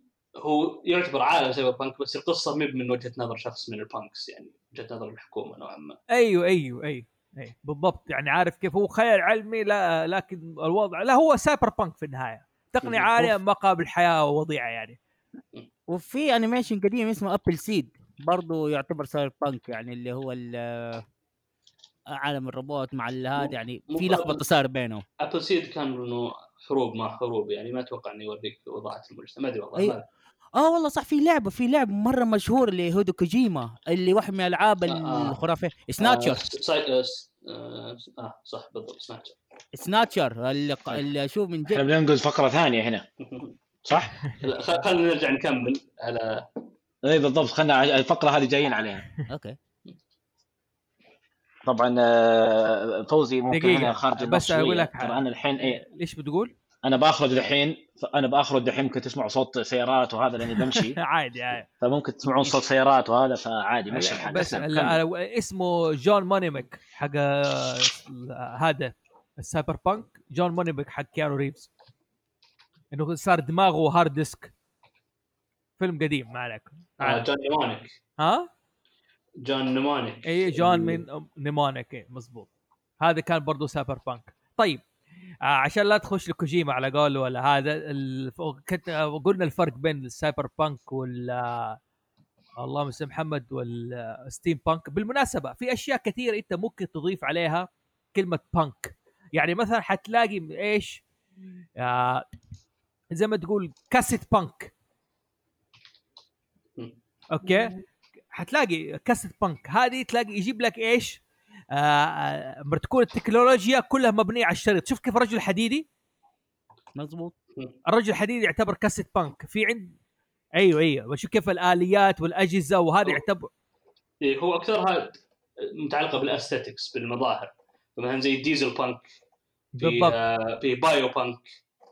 اشياء زي كذا بالضبط تعتمد على البانك في دائما المظاهر ال- كذا لكن القصة والجوهر موضوع ثاني ما له علاقة العالم خيال علمي لكن جوهر القصة موضوع ثاني في. عندك ال ray punk ال ray. punk اللي بتعتمد على تقنيه الفضاء وكله ناس lasers لكن دائما التركيز على إيش؟ على النساء فيه مم. sexualize ray آه ray punk هو اللي اللي زي ال- ال art حق الثمانينات اللي فيه ليزر وما أشياء وخل... السماء بنفسجية كذا. إيه لا في هذا الثمانينات صحيح. شوف أنت في فيلم أنا ما أنصح فيه يعني لكنه لكن كرتون وفي الثمانينات يوضح لك بالضبط إيش هو ال cyber punk اسمه Heavy Metal Heavy Metal موجود حتى على اليوتيوب كتر مو رخيص الفيلم. والله أتكلم جد والله. كتر مو رخيص بس آه، في له يوضح لك فكرة إيش ال cyber punk صح كيف الفقر الناس فقيرة والتكنولوجيا عالية. يعني عندهم أجهزة وجوالات ومدري إيه، لكن برضو إيش مفلسين وحالتهم حالة ما عليه طيب آه من ضمن ال- ال- ال genre حقت هذا اللي هو إيش؟ fantasy آه ما sci fantasy. إيش هو؟ أيوه. sci-fi fantasy؟ أيوه هذا مثلا زي ما ذكرنا إحنا في البداية مثلا زي Star أيوه. Wars مكانهم يعني ال- ال force كان خيال. كان يجيك واحد يقول يعني these are not the droids you're looking for ويصدقون يعني ما ما ما لها أي تفسير علمي. فكان على أنه سحر تقريبا. okay. فطبعا عامل السحر ما يعني حتى من اللي كان الظاهر هان سولو قال سماهم إنهم هم wizards شيء زي كذا. إنهم سحره أيوه سحر. بالمناسبة بس بوضح نحن ترى إحنا داخلين في أنواع الخيال العلمي ترى. نحن داخلين في درجات الخيال العلمي. زي ما تقول هذه أشياء تع... خيال علمي أنواعها لسه ما دخلنا فيها ترى. نحن تكلمنا عن steam punk ال cyber punk وعلى ال space opera وال high fan أو ولا وال وال soft وال soft وال hard. لكن أنواعها حقيقة حخش هذه درجاتها.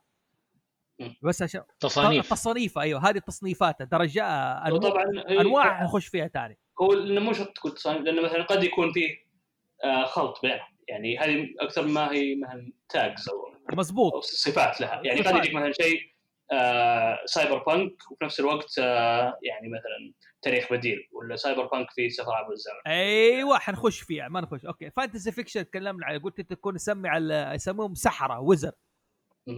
حلو. هو الفكرة إنه يعني أوكي في عوامل خيال خيال- كان في عوامل خيال علمي أنهم يسافرون في مركبات فضائية وشيء زي كذا وفيها عوامل خيالية.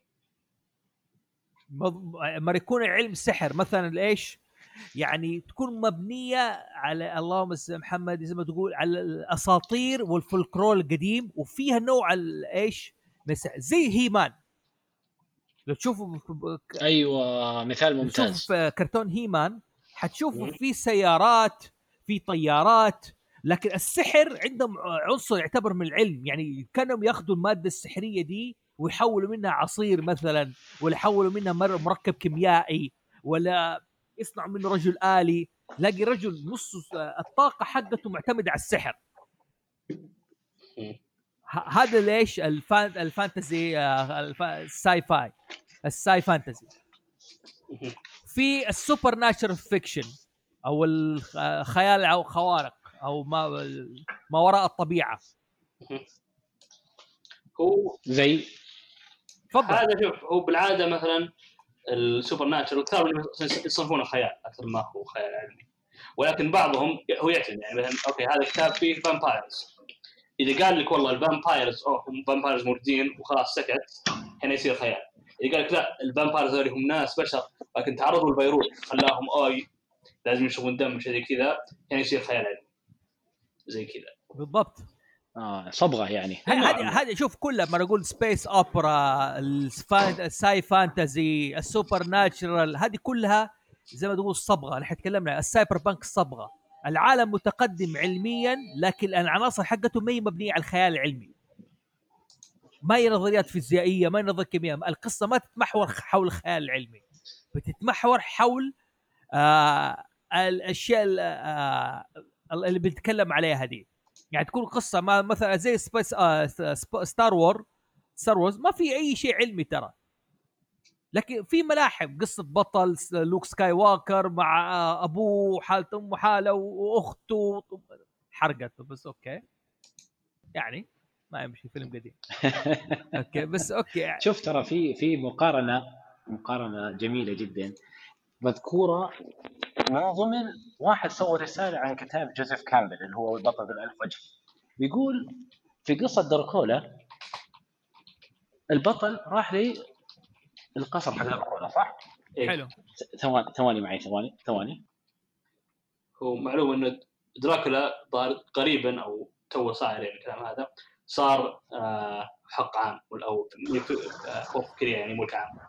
فأنت الحين تقدر تكتب قصة عن دراكولا بدون أي مشاكل شوف هو إيش يقول؟ يقول إنه أيوه. يقول إنه رحلة دراكولا ال- ال- ال- ال- ال- ال- ال- الفكرة العامه واحد يروح لقلعة في رومانيا ويدخل فيها ويلاقي مغامرة. لو أخذت السكن هذا أو الستار هذا وحطيته على لبسته فضائي. يعني خليته يروح لكوكب مجهول.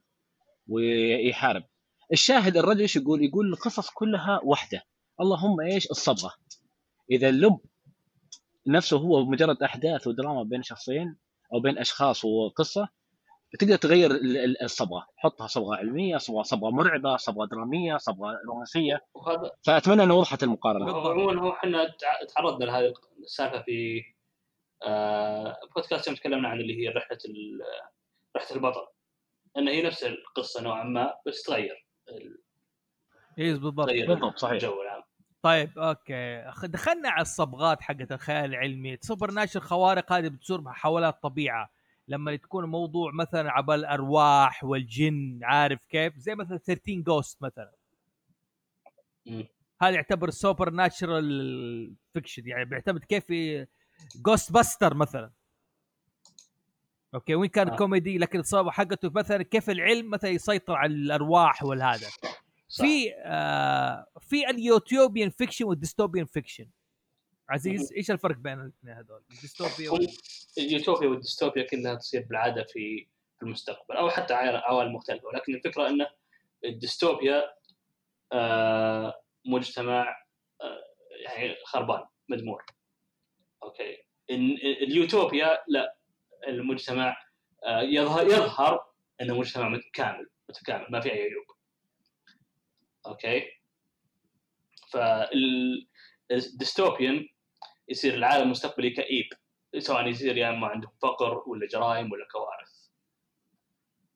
آه، أما ال- اليوتوبيا يكون يعني يظهر إنه العالم كامل ما في أي مشاكل ما في أي شيء زي طبعا هو وشو؟ من عادة مو مو بداية ولكن عادة. طبعا لو, لو تعطيهم كذا أوكي عالم ما في اي مشاكل. ما عندك قصة. خلاص انتهت القصة. أوكي؟ فلازم تكون في مشاكل تظهر فيه. شوف هو اليوتوبيا فكرة اليوتوبيا جات من أفلاطون. الدولة إيه. المثالية الناس اللي تكون كل شيء تمام وعايشين في حب وسلام عارف كيف وما في مشاكل وما في أي حاجة. حلو. ال dystopian تكون عكس هذا الشيء اللي كل شيء وضع وضيع وسيء عارف كيف ويظهر كيف الدولة تكون فاشية بطريقة عجيبة والتسلط فقر. أكبر مثال على ال dystopian اللي هو في فيلم اسمه Aeon Flux. اي Aeon Flux Aeon Flux ولا Aeon Flux Aeon Flux أيوه Aeon Flux هذا في فيلم موجود لي يوريك كيف الوضع إيش؟ مرة سيء. والعالم ما بعد الكارثة يكون سيء بس الدست... عالم ما بعد الكارثة غالبا يكون dystopian لكن إيش؟ ال... آه هذا يديك اياها الصبغه يعني شوف خلينا نتكلم على فيلم Blade Runner تقريبا تقريبا بدأ يدخل في الديستوبيا هو ديستوبيا بالنسبة لل اللي كان لل androids. عرفت؟ ولا البشر العاديين عايشين كويس مفترض نسبة كبيرة منهم. اللي من أ... من أ... من أشهر امثال الديستوبيا هو فترة انتشرت افلام الموجهة للمراهقات. كانت كثير منها ديستوبيا ففي شو اسمه نسيت الفيلم. اللي اللي فيه 13 منطقة. Hunger Games Hunger Games أيوه بالضبط. Hunger Games إنه أوكي هم لو تلاحظ هم مقسمين على مجموعات وكل مجموعة كذا كذا ف وكل مجموعة يعني عايشة بشكل يعني في عالم سيء نوعا ما. وعندهم طبعا لازم يتحاربون عشان كذا كذا عشان يوفرون الأكل وحوسة يعني. فهذا كان عالم ديستوبي. آه، من الامثله على الديستوبيا أيضا Mortal Engines أتوقع كان فيه اللي كان لحظة Maze Runner الظاهر يعني. Maze Runner أنا ما كملته شفت بداية الفيلم الصراحة ومليت شوي. هو ترى دائما دائما ترى اليوتوبيان تودي ال- اليوتوبيا تودي إلى الديستوبيا. هو مو شرط اللي يجيك واحد إيه؟ كيف؟ هو بالعادة يعني يعني دائما أحس فكره اليوتوبيا إنك تكتشف أوه إن اليوتوبيا هذه كان لها ثمن والثمن هذا الصراحه يعني المفروض ما كنا ندفعه زي مثلا كأني أذكر إنه في فيلم آه اللي أكتشف أوكي إنه مصدر الطعام للعالم هذا كله إنهم كانوا ياكلون بشر أوكي يعني مو أوكي كانوا ياكلون آه, آه شو اسمه آه Green شيء آه يعني إنه هو أوكي. طبعا ذاك الوقت انه كان الناس خايفين إنه أوه الأكل ما يكفي العالم. آه بس إنه يوم آه آه بالمناسبة في في واحد تفضل. أنا عذرا فوزي على المداخلة. ترى واحد من أشهر الأمثلة اللي هي حق اليوتوبيا الديستوبيا يمكن في آخر عشر سنين BioShock الأول. أيوه أيوه. اللي هو كانت الفكرة إنه يبغى يسوي اليوتوبيا لكنها زي ما قال عبد العزيز لا ما ما تصير يوتوبيا إلا ونتيجه ديستوبيا تفضل. لا على السيرة يعني إذا كان بيتكلم ال- بالمناسبة يعني في حلقة حتتكلم فيها عن اليوتوبيا والديستوبيا بشكل عام حتتكلم عن عناصرها ودنيتها زي كذا بس عشان لا ندخل كثير عن هذا بس بس توضيح لأنه الناس الد- الديستوبيا اللي هو عالم آه، متقدم لكن كله متسلط كئيب انت قاعد تسيطر الحياة لا تطاق. ما هي زي ال cyberpunk ال cyberpunk الناس عايشة. أوكي؟ لكن الجرائم تكثر. أما هناك حتى جرائم ما في. الوضع مرة خنقة. بس توضيح للناس يعني كفرق بين الاثنين. في كتاب ال- اللي أقدر هي أكثر ما لها أحس عن الأشخاص فيه. أوكي؟ cyberpunk الناس عايشين في عالم مضطهدين. بس تشوف الناس يعني مو مو ما مبسوطين. ولكن تشوف عندهم آه يسرحون ويمرحون نوعا ما يمين ويسار. في مساحة من الحرية في إيه. أكل في دنيا في أي شيء يعني. وحتى أصلا الواحد ممكن يقرأه يقول والله آه حياة حياة ال cyberpunk جذابة. أوكي؟ يروحون يسوون إيه، مغامرات وهاكرز وشيء زي كذا. أوكي؟ الديستوبيا لا تحس هذا هذا هذا عالم كئيب. هذا ما حد يبغى يصير فيه. جحيم. بالمناسبة في كتاب للفارابي اسمه المدينة الفاضلة بس مم. برضو هو حتى يتكلم في ده الشيء. الفارابي ما في شيء اللي أتكلم فيه. ما علينا من الفارابي طيب. أظن كذا اكتفينا بإيش؟ بالتصنيفات أو الصبغات اللي تلاقيها في الخيال العلمي. خلينا نتكلم عن أنواع الخيال العلمي نفسه. تمام؟ هذا اللي جدا مهم إن إحنا نتكلم فيه زي كذا. أوكي. أول نوع عندنا اللي هو إيش؟ الت- التنقل عبر الزمن. هذا اللي دائما المشكلة السفر عبر الزمن. أظن تكلمنا فيه في البداية ووضحنا فيه فكرة تمام؟ ولا حابين نستطرد عليه. خلينا نعطي نعطي شوية عنه. يعني الفكرة فكره معروفة. هو ال- ال- ال- الفكرة طبعا ترى زي ما قالها شرحها عزيز. ذيك الأيام اللي هو كا... لا لا أنا أتكلم عن الكاتب. اللي هو آه. جورج ويلز. لا عزيز قال آه، نظرية أخرى. لا، النظريه لا السادسة. إحنا نتكلم إحنا فيقول تكلمنا عن التنقل عبر الزمن يوم كنت رايح. انت إيه فهو هو يقول إنه إنه ثلاثي شو اسمه ثلاثي الأبعاد إنه البعد إنه البعد ال- الطول عرض والثالث هو الزمن فالفكرة وين الإبداع؟ الإبداع إنه كل واحد خلاص حق السفر عبر الزمن ككتابة صار مشروع للجميع لكن الك- ال- الكلام وين وين الإبداع؟ وين الشخص اللي يجي ويضيف شيء جديد لل- معنا- لل- للقالب هذا؟ إحنا مم. تكلمنا سرنا قلنا إنه آه، الت- آه، السفر عبر الزمن صار دوس مكنة صح عليك. صار دوس مكنه للناس. إيش يعني دوس مكنه بالعربي؟ ترى- ترى- إيش يعني دوس مكنه بالعربي؟ ترجمتها الحرفية هي ال- آه، أيوه. آم، الإله من ال- من الماكينه زي ما تقول. لأنه هو وش فكرتها؟ إنه كان في المسرحيات في السابق. الإله من الآلة. الإله من الآلة يعني. الإله هي فكرتها ال- ال- الأدبية إنه مخرج من العدم عارف كيف تساعد فيه إيش؟ الشخص اللي المزنوق البطل. يعني تو تنقذ البطل في في المأزق مأزق وما عندك منطق شيء منطقي تنقذ تستخدم التقنية دي. عارف كيف؟ إنه إيش؟ آه اللي هو الآلة. بالآلة زي مثلا أقول لك فرودو في Lord of the Rings كان مزنوق وحالته حالة فجأة جاله مين؟ جاندلف أخذه وخرجه. كذا ما- ولا جاله سيف من السماء البطل إنه يقتل فيه الشرير. كذا ما حد يدري إيش مصدر هذا. هو يعني من تسميتها لأنه كان إيش في المسرحيات اي قديما. كان مثلا أوه البطل يصير مأزق بس ينزل الاله مثلا زوس ولا شيء زي كذا وينقذه ويمشي. عرفت؟ إي إي. يعني كذا بدون بدون مقدمات. بدون أي سبب حتى ما في أي سبب. طيب حلو. آه ال teleportation التنقل من مكان لمكان.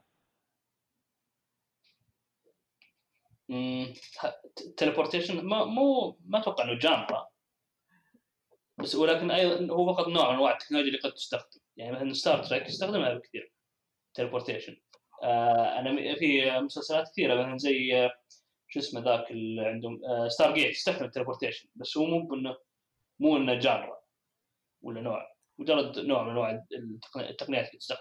والله شوف هو التقن أداة تستخدم. أيوه هي أنا بقول لك هذه عناصر يعني إحنا بنتكلم عن عناصر خيال علمي فاهم قصدي؟ اللي بنلاقيها مثلا. إنه تلاقي التنقل عبر الزمن ال teleportation اللي هو أشهر فيلم وعجيب جدا اللي ما حد شافه يمكن ذا فلاي آه صح. The Fly الجزء الأول والثاني. ال Fly بيتكلم على شاب هذا هذا خيال علمي حلو. تمام؟ آه، جيناته بسبب لسبب ما اختلطت بالذبابة. وأنا شفته يوم صغير وجاني كوابيس منه. أي أكيد حيجي كوابيس من تمام؟ هو طبعا السبب هل تذكره ولا أذكره أنا؟ لا أذكر أنت عادي قول. هو لأنه كان يخترع كان يحاول يخترع جهاز انتقال. آه، انتقال automatic teleportation ينتقل من نقطة ألف لنقطة باء كذا مباشرة. آه، فهو يوم جاي يجربه ينتقل من الجهاز الثاني. دخلت معاه في الآلة ذبابة. أوكي. فيوم ما أدري ونجح وتركب بالجهة الثانية ولا لا بس إنه ال DNA حقه وحق الذبابة اختلطوا مع بعض وصار هو شوي شوي يتحول عملاق هذا الجزء الأول. الجزء الثاني ما أدري ما شفت الجزء الثاني. أنا شفت الأول وقعدت سنوات. أنا الجزء الثاني؟ لا أنا أقول لك الجزء الثاني كيف يعني حكاية.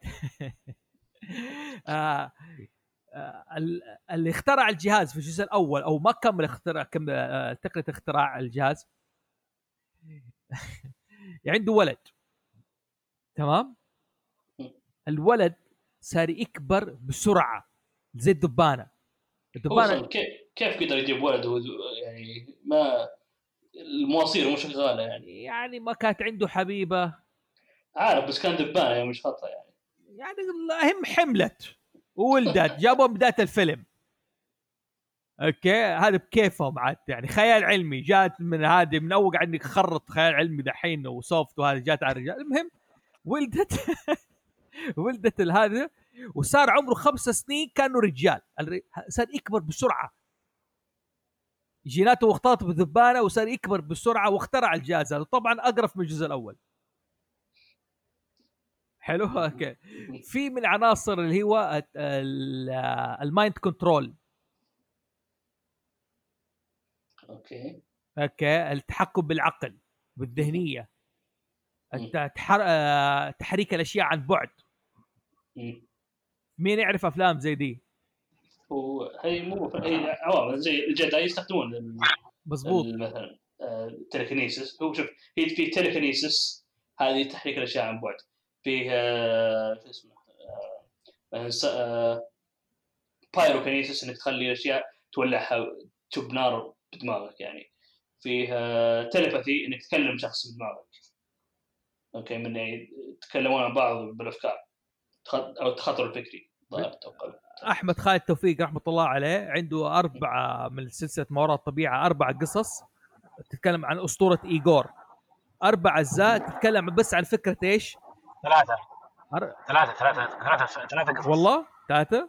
اي اي ثلاثة. ثلاثة. إيه، الجنرال عائد وايجور والثالث ما اذكر ثلاثة اي وك- وتطرق هذا الموضوع ب... ب... بإتقان صراحة. اي اي إيش أنواعهم وكيف يتحركوا؟ حلو.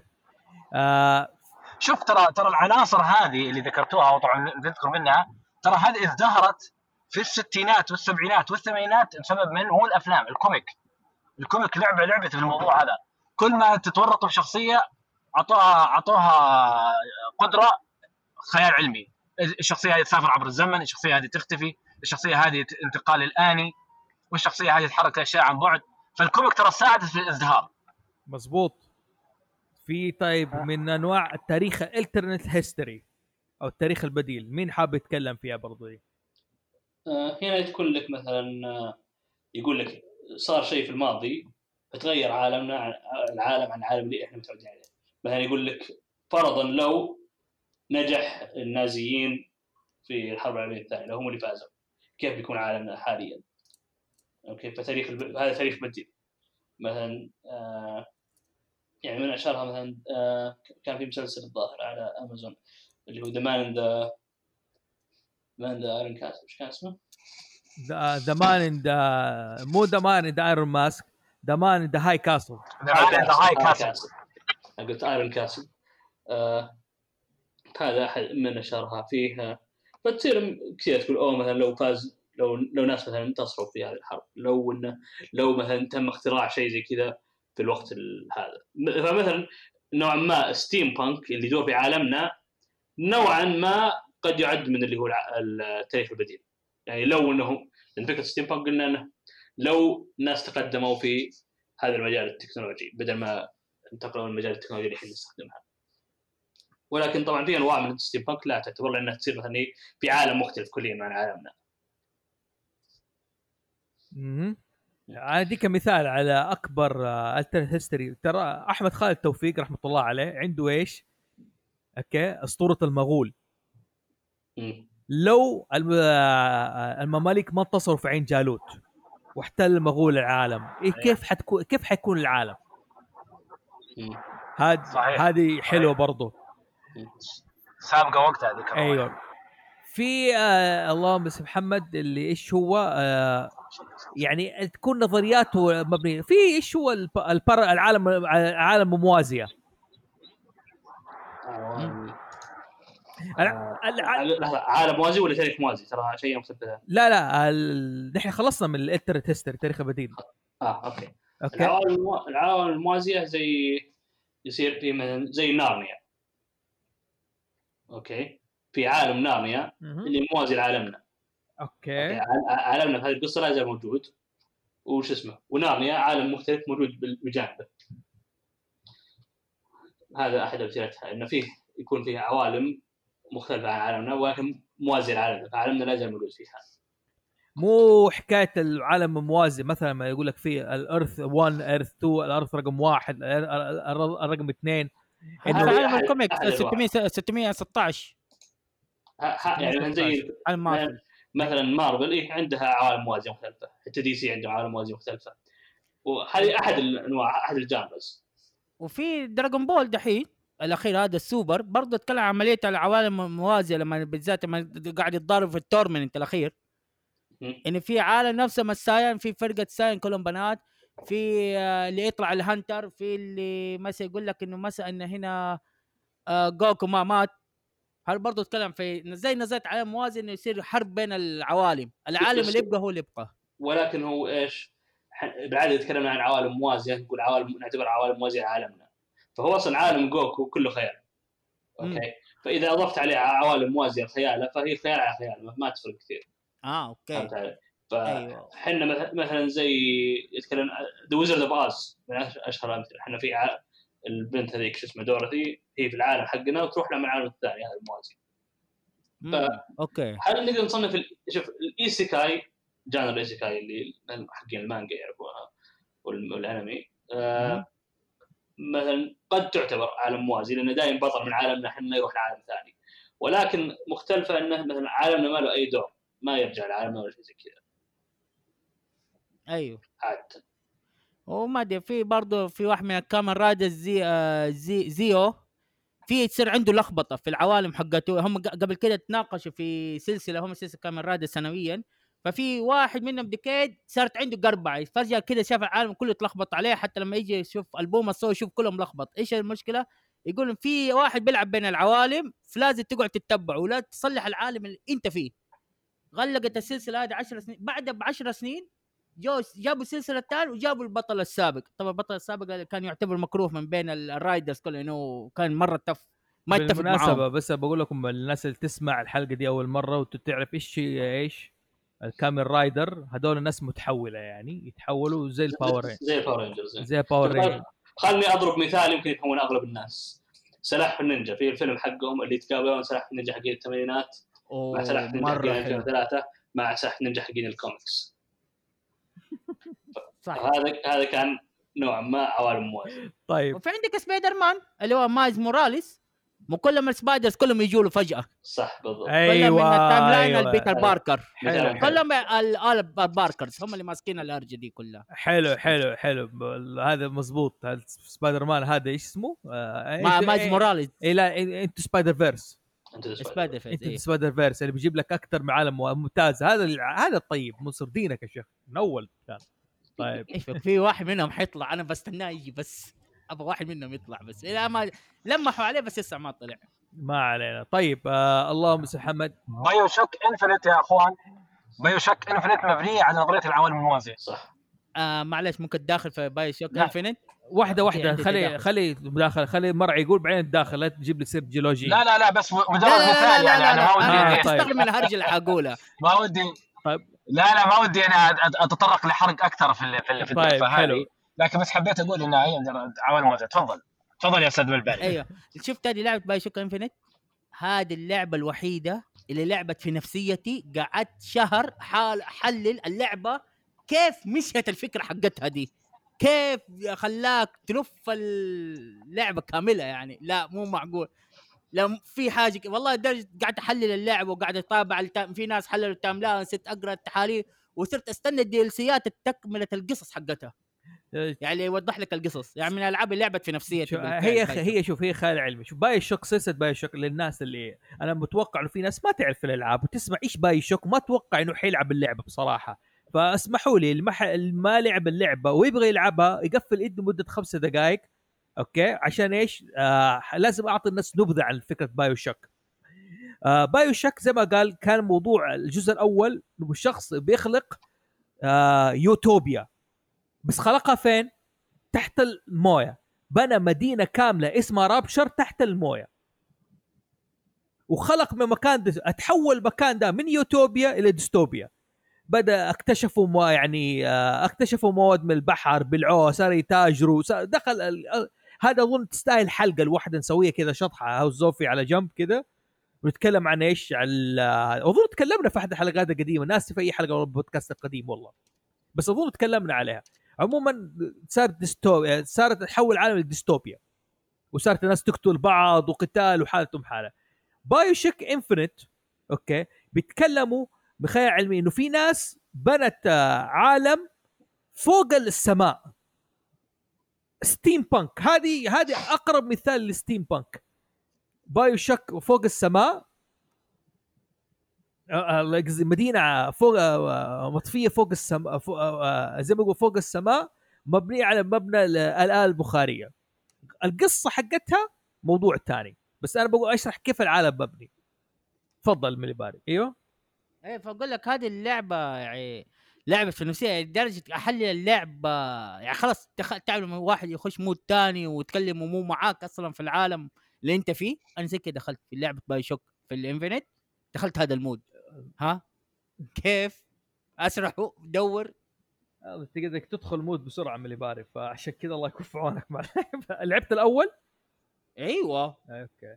أنا الأول عندي أحلى من الثالث بصراحة. اي الثالث يبالك آه تتعود على العالم البايو شوك نفسه اللي هم ال Big Daddy هذول لا تفهم كيف الفكرة حقتهم ال- بالعكس أنا مرة مبسوط من الجزء الأول.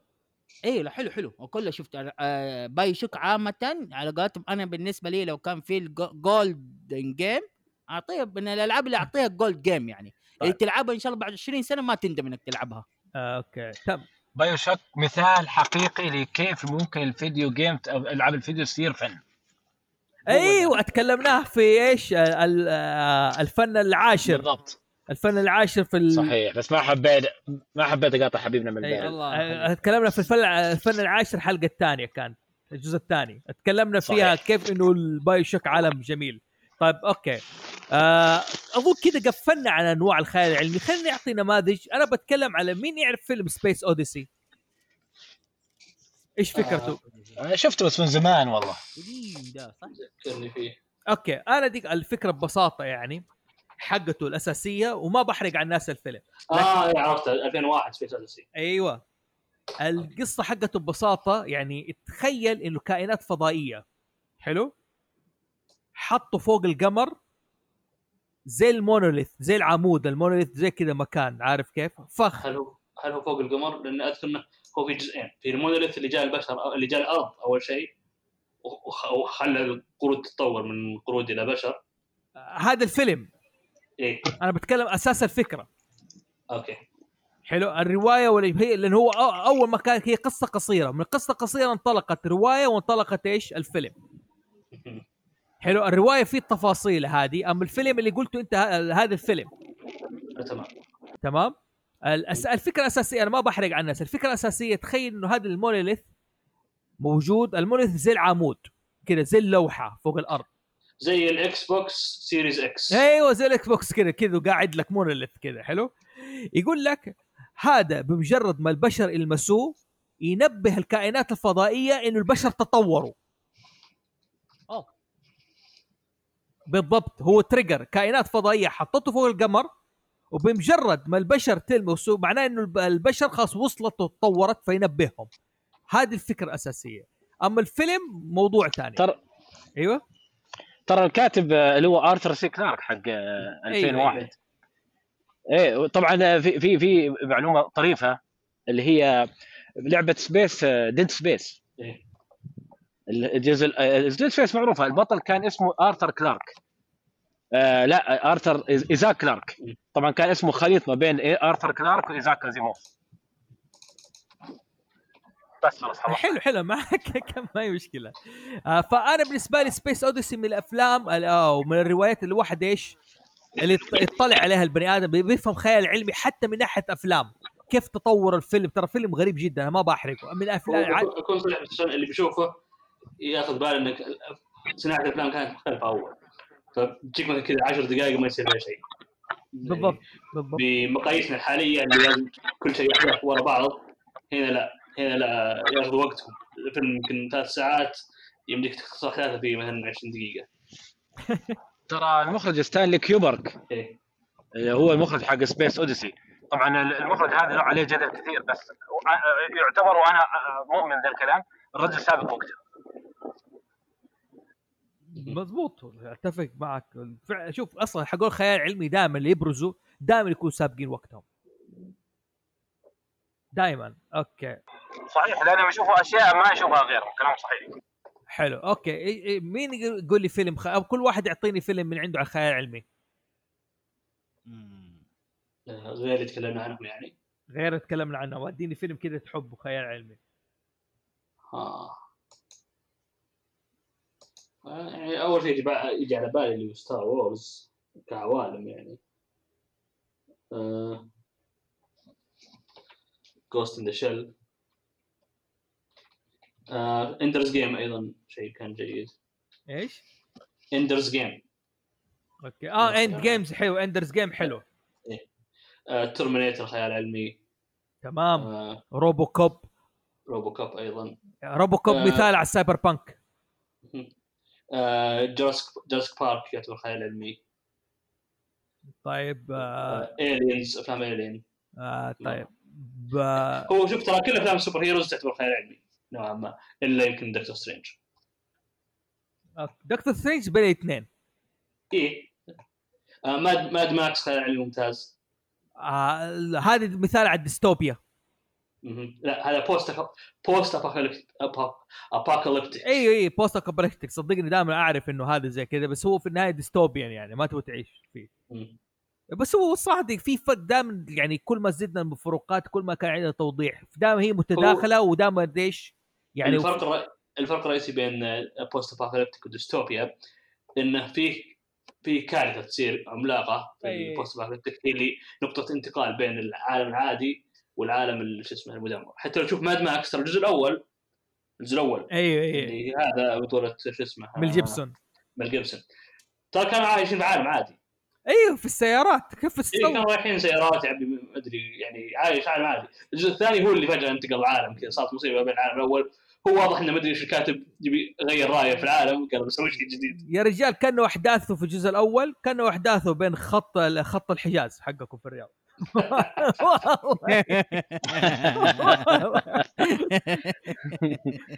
والله نوعا ما نعم. كان الفيلم كان فيه محطة واحدة إذا ماني غلطان أو اثنين. وبوفيه. شوف أنا أنا بقول فيلم عشان كثير كثير في بالي لكن اللي يحضرني فيلم واحد يمكن أغلب المستمعين ما شافوه أو حتى أنتم اللي هو Sphere اللي قلت عليه أنا حق مايكل كرايتن هو فيلم خيال علمي مع آه رعب نفسي. مم. ف هذا واحد من الأفلام يعني اللي أشوفه مفضل عندي بالنسبة للخيال العلمي. ايبس كفيلم حنتكلم فيلم أيضا ممتاز. طيب آه، با أحمد. فعلا في أحمد با محفوظ. أحمد با محفوظ. أنا عارف إنك مقفل المايك وبك تشارك دحين. في شيء يهمك. قاعد يلعب دي ان دي لا. آه مو دي دي أباك تديني أفضل مسلسل خيال علمي في العالم. في التاريخ. إيش هو دكتور هو. دكتور هو. دكتور هو الوحيد اللي زبط حكاية إيش؟ التنقل بالزمن. اديني نبذة عنه. ما إنه هو هو الوحيد اللي ضبط آه، اللي شو اسمه صار هو ضبطها ليش؟ لأنه هو مسلسل ما تاخذه على كيف؟ جدية. عرفت كيف؟ فلو لو تاخذه بشكل جدي بيصير بيخرب السفر عبر الزمن بيقول أوكي في في ثغرات كثيره لا لا لا. إيش رأيك باحمد با محفوظ. في إيش بالضبط؟ قل لي اتكلم دحين هذا عزيز قاعد يقول ما تقدر تاخذ مسلسل جدي. تكلمني عن Doctor Who كمسلسل خيال علمي. حنسوي عنه حلقة كاملة إن شاء الله بس برضه تكلم لي.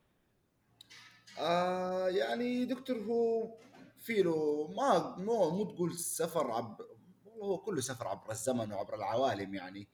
آه ال sonic screwdriver تبعه بيحل في المشاكل ما- أدري إيش أقول لك أقول لك صراحة. أقول لك أرجع أرجع للعبتك وأنت تبع التسجيل منتبه التسجيل أرجع. قهرتني. دائما تحب هذا أتكلم مع عز... أتكلم عن Doctor Who عزيز. أتكلم عن قاعد ألعب أنا وأنت جايين تكلمني يعني. The scene today. طيب طيب. وشوف أنا ما ماني خبير دكتور هو يعني ما شفت منه شوي ولكن بشكل عام هو مسلسل خيال علمي.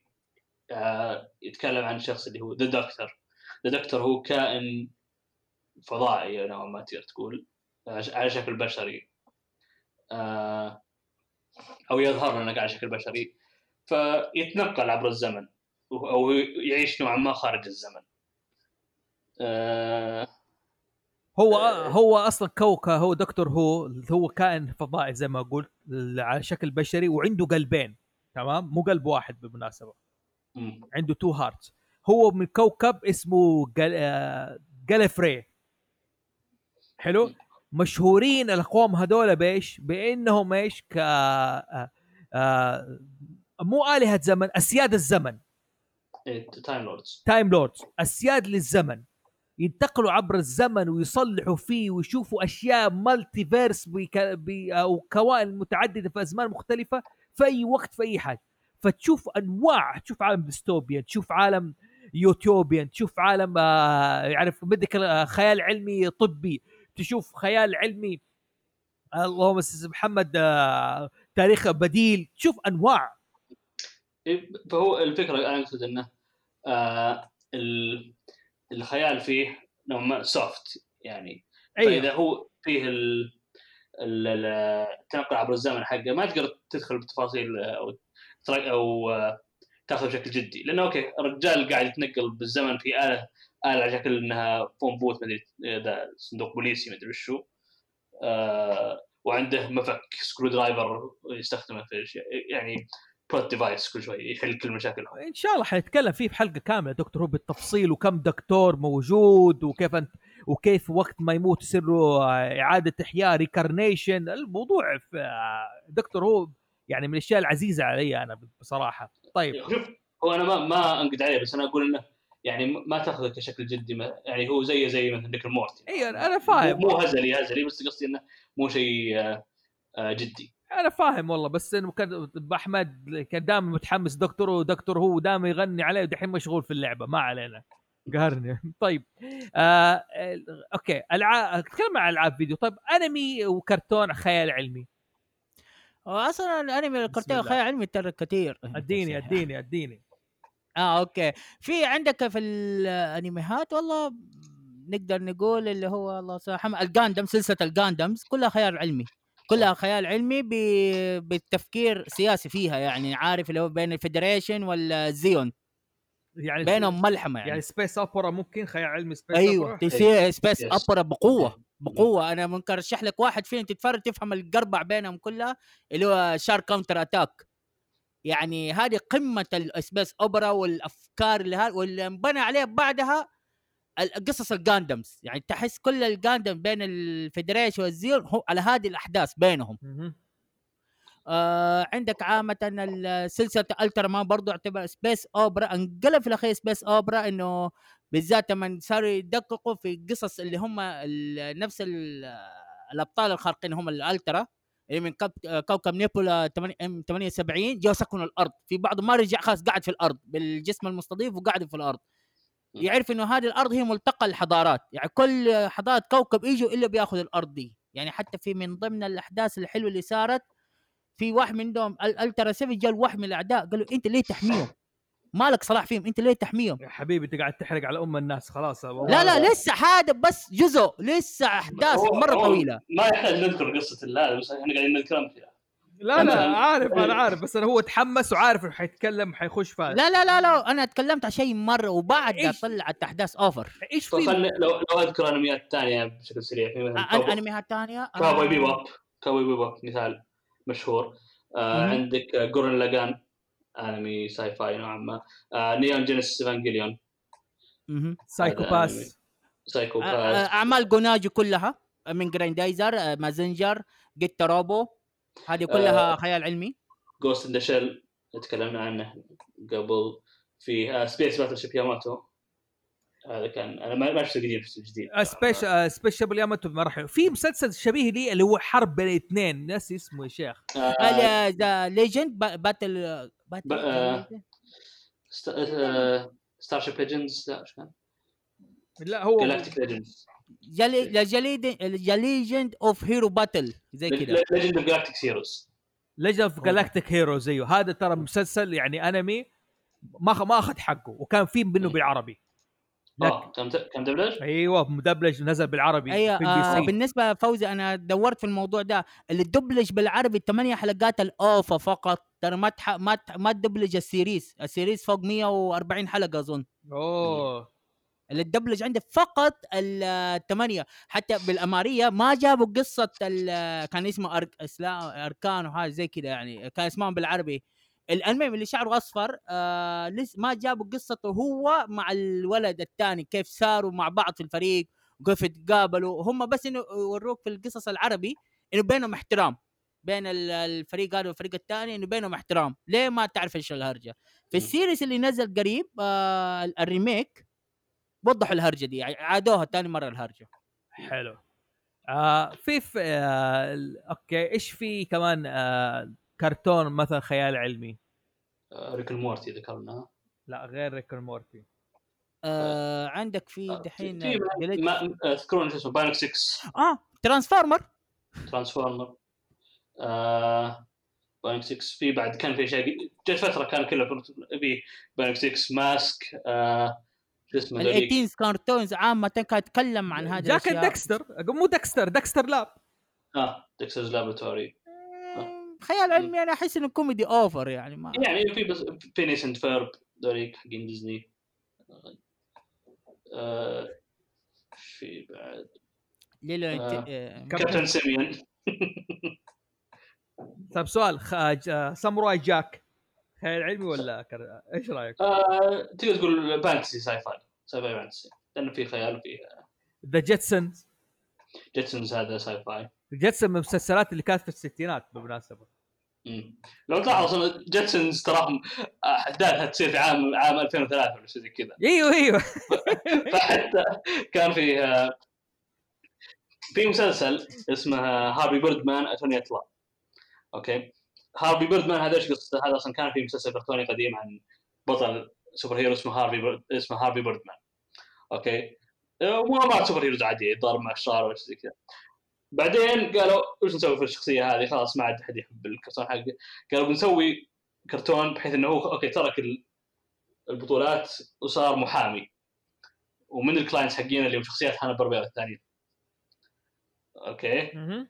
فواحدة من الحلقات يجونا The Jetsons فيقول نحن أتيناكم من المستقبل البعيد من العام 2003 هو يناظر التقويم حقه يحصل نفسه 2013 ولا زي كذا؟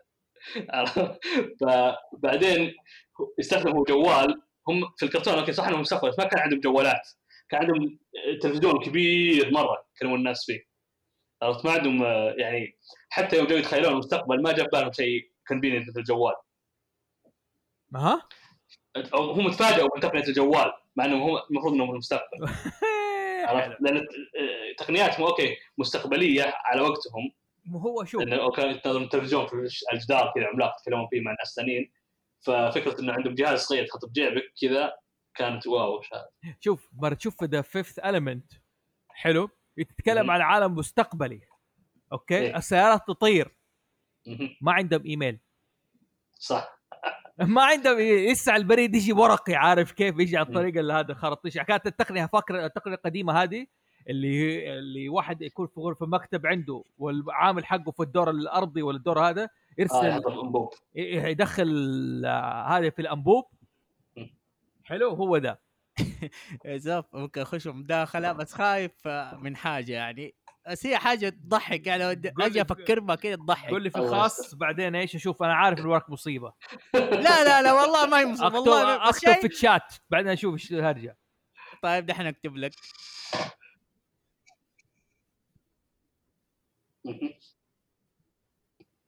آه هذا إيش اسمه آه، ليجونا هو اللي تخرب سعره أي أي ليجونا. حاجة في جريندايزر. قول إيش عندك مصيبة. قول لي باي. في لا والله ما هي مصيبة. بالعكس إنه افتكرت هرجتين كذا ربطتها في بعض آه أها. جلوش وغريندايزر اللي هو لما كان مثلا بيعرفوا مكان العدو هو فين ترى كان يستخدموا اللي هو البنش مارك. تحديد اللوكيشن الجي بي إس كان لما يطبع آه. يطبع الورقة كان يستخدم البنش مارك على حسب ال- ال 6 75 أيوه أيوه هذه أيوه. قمات التقنية إنه يعرف إنه والله هو في جهة الحمى ما دي لما الاله عنده يطلع البنش مارك. كل أوراق مخرج يعني هذه مو خريطة. هذه اسم هذا هو إيش؟ الريترو بانك. اللي هو مو ريترو كاسيت بانك. هذه نفس زي كذا هذه اللي يعني زي زي ما قلت الرجل الحديدي. هذه الفكرة هي اللي حقتها طيب آه أوكي قبل ما نختم قولوا لي يعني إيش رأيكم في آه، أيوه عزيز دون هلا. هل هي دون خيال علمي؟ آه إيه أتكلمني عن دون والله شوف أنا ماني ما ما, ما قرأت روايات و لا في حاجات مميزة أنت ذكرت فيها يعني تتكلم مثلا الرجال مست... مستوحي من إيش؟ من الثقافه الإسلامية كثير هو استوحى الكاتب لأن هي أحداثها وشو؟ آه في كوكب صحراوي. okay. والكوكب الصحراوي هذا عندهم آه مصدر للط- شيء مرة مهم للعالم spice يسمونه. يعني يشبه إنه أوه والله مثلا إحنا عندنا العرب عالم صحراوي عندنا البترول وكل العالم يبغون شيء زي كذا. okay.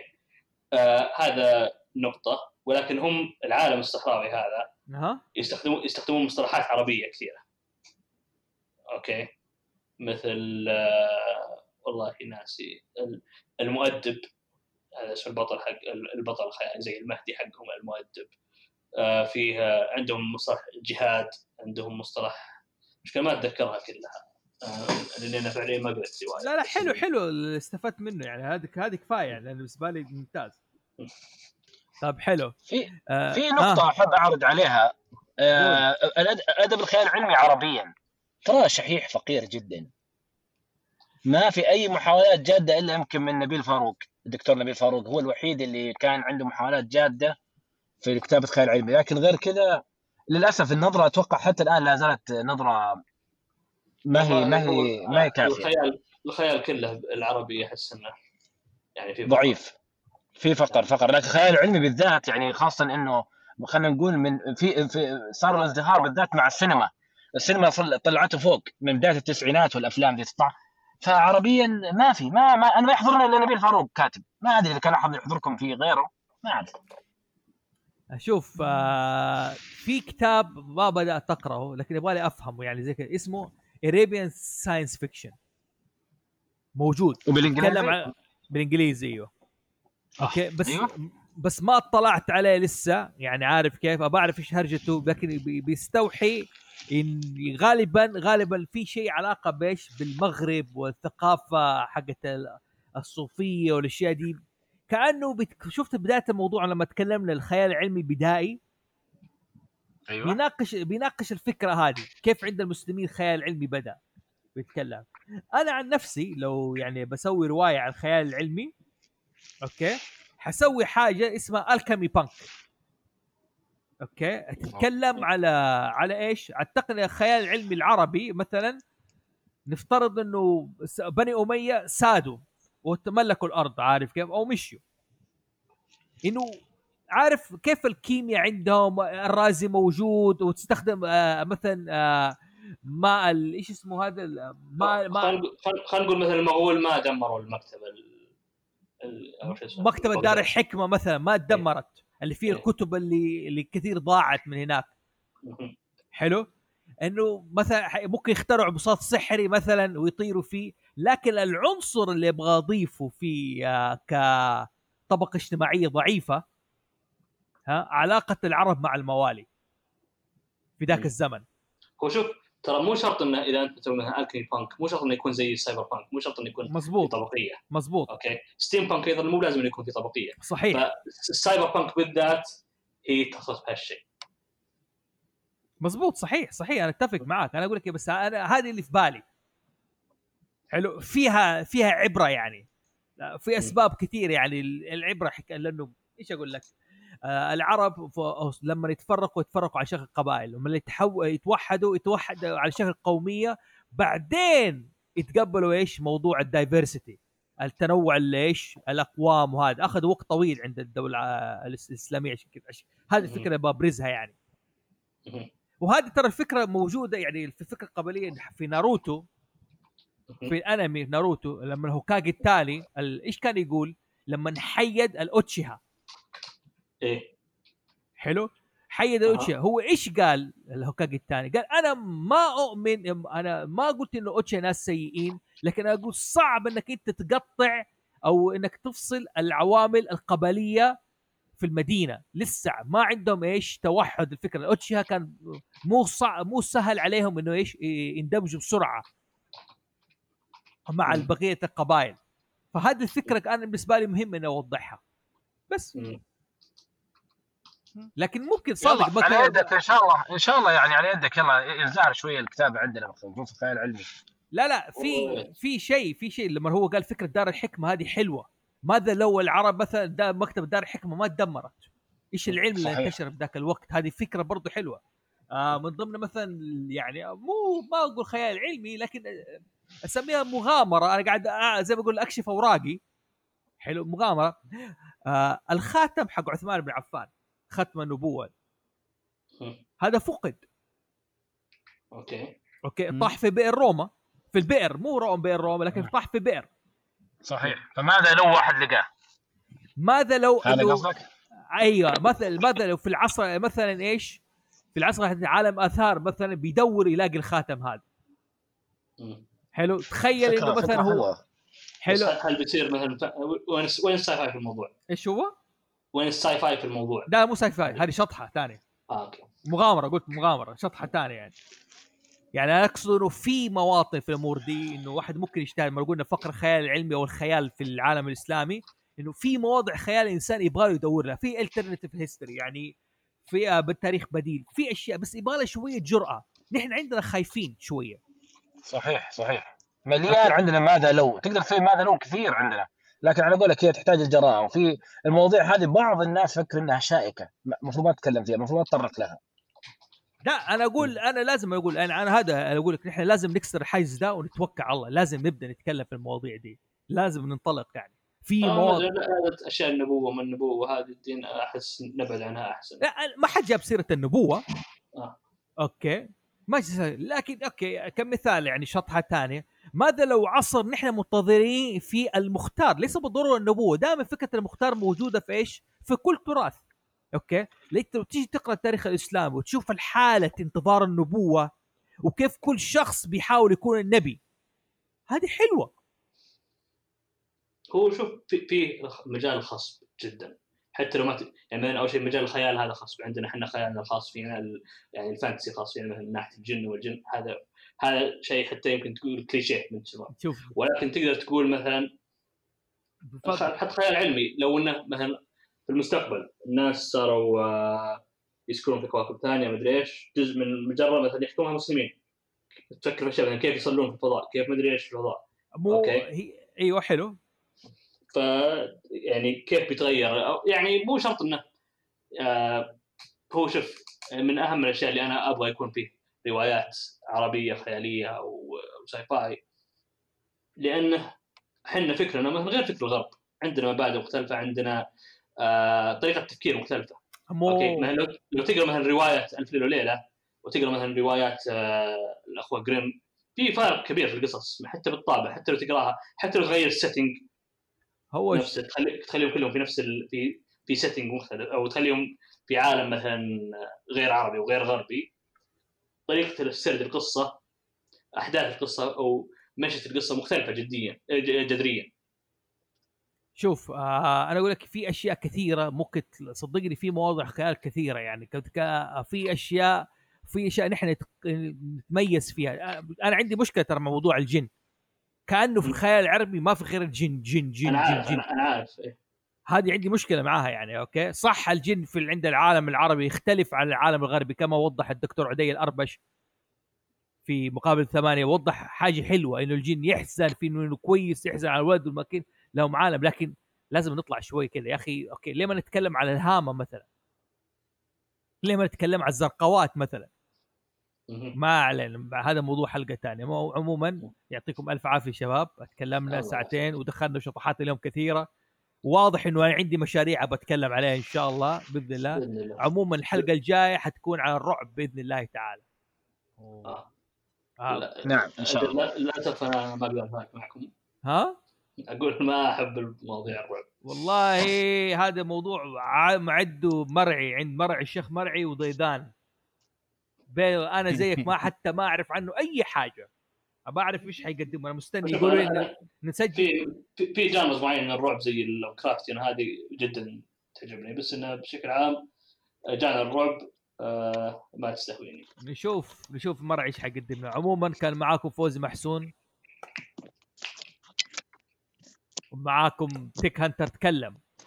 آه معك معك كان معكم أحمد مليباري تيك هانتر. كان معك واحمد مرعي من الرياض معاكم. معليش قاطع قاعد أعيد معاكم أيوة. أحمد مرعي من الرياض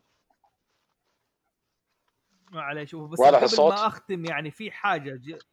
واضح في واضح. في شيء بس بقول لجمهورنا العزيز يعني اللي سامعنا الحلقة هذه آه أول حاجة إنه نايف تويز هذا إعلان غير مدفوع بس أقول لكم إياه يعني بس بالتعاون مع نايف تويز تخشوا على الموقع نايف تويز في كود خصم 10% على المشتريات والكود ما زال فعال لمده 30 الكود هو زوفي 2020 Z O F I 2020 ك- آه، خصم على جميع المشتريات الموجودة في الموقع. ألحقوا يا جماعة وهذا وأقول لكم إعلان غير مدفوع. وكمان لا تنسوا يا جماعة الله يرضى عليكم تسوون لنا subscribe وتقدر تسمعونا في على يوتيوب على الساوند كلاود على ابل بودكاست على كل المنصات. وفي منصة عربية مميزة اسمها بوديو بوديو منصة تهتم بالبودكاست العربي وتخش تلاقي فيها جميع البودكاستات العربية تلاقي فيها كل شيء. طريق مختصر لك ممكن تستمع عليه. طيب يا إخواني كده أنا انتهيت الحلقة ويعطيك العافية يا شباب ونشوفكم على خير.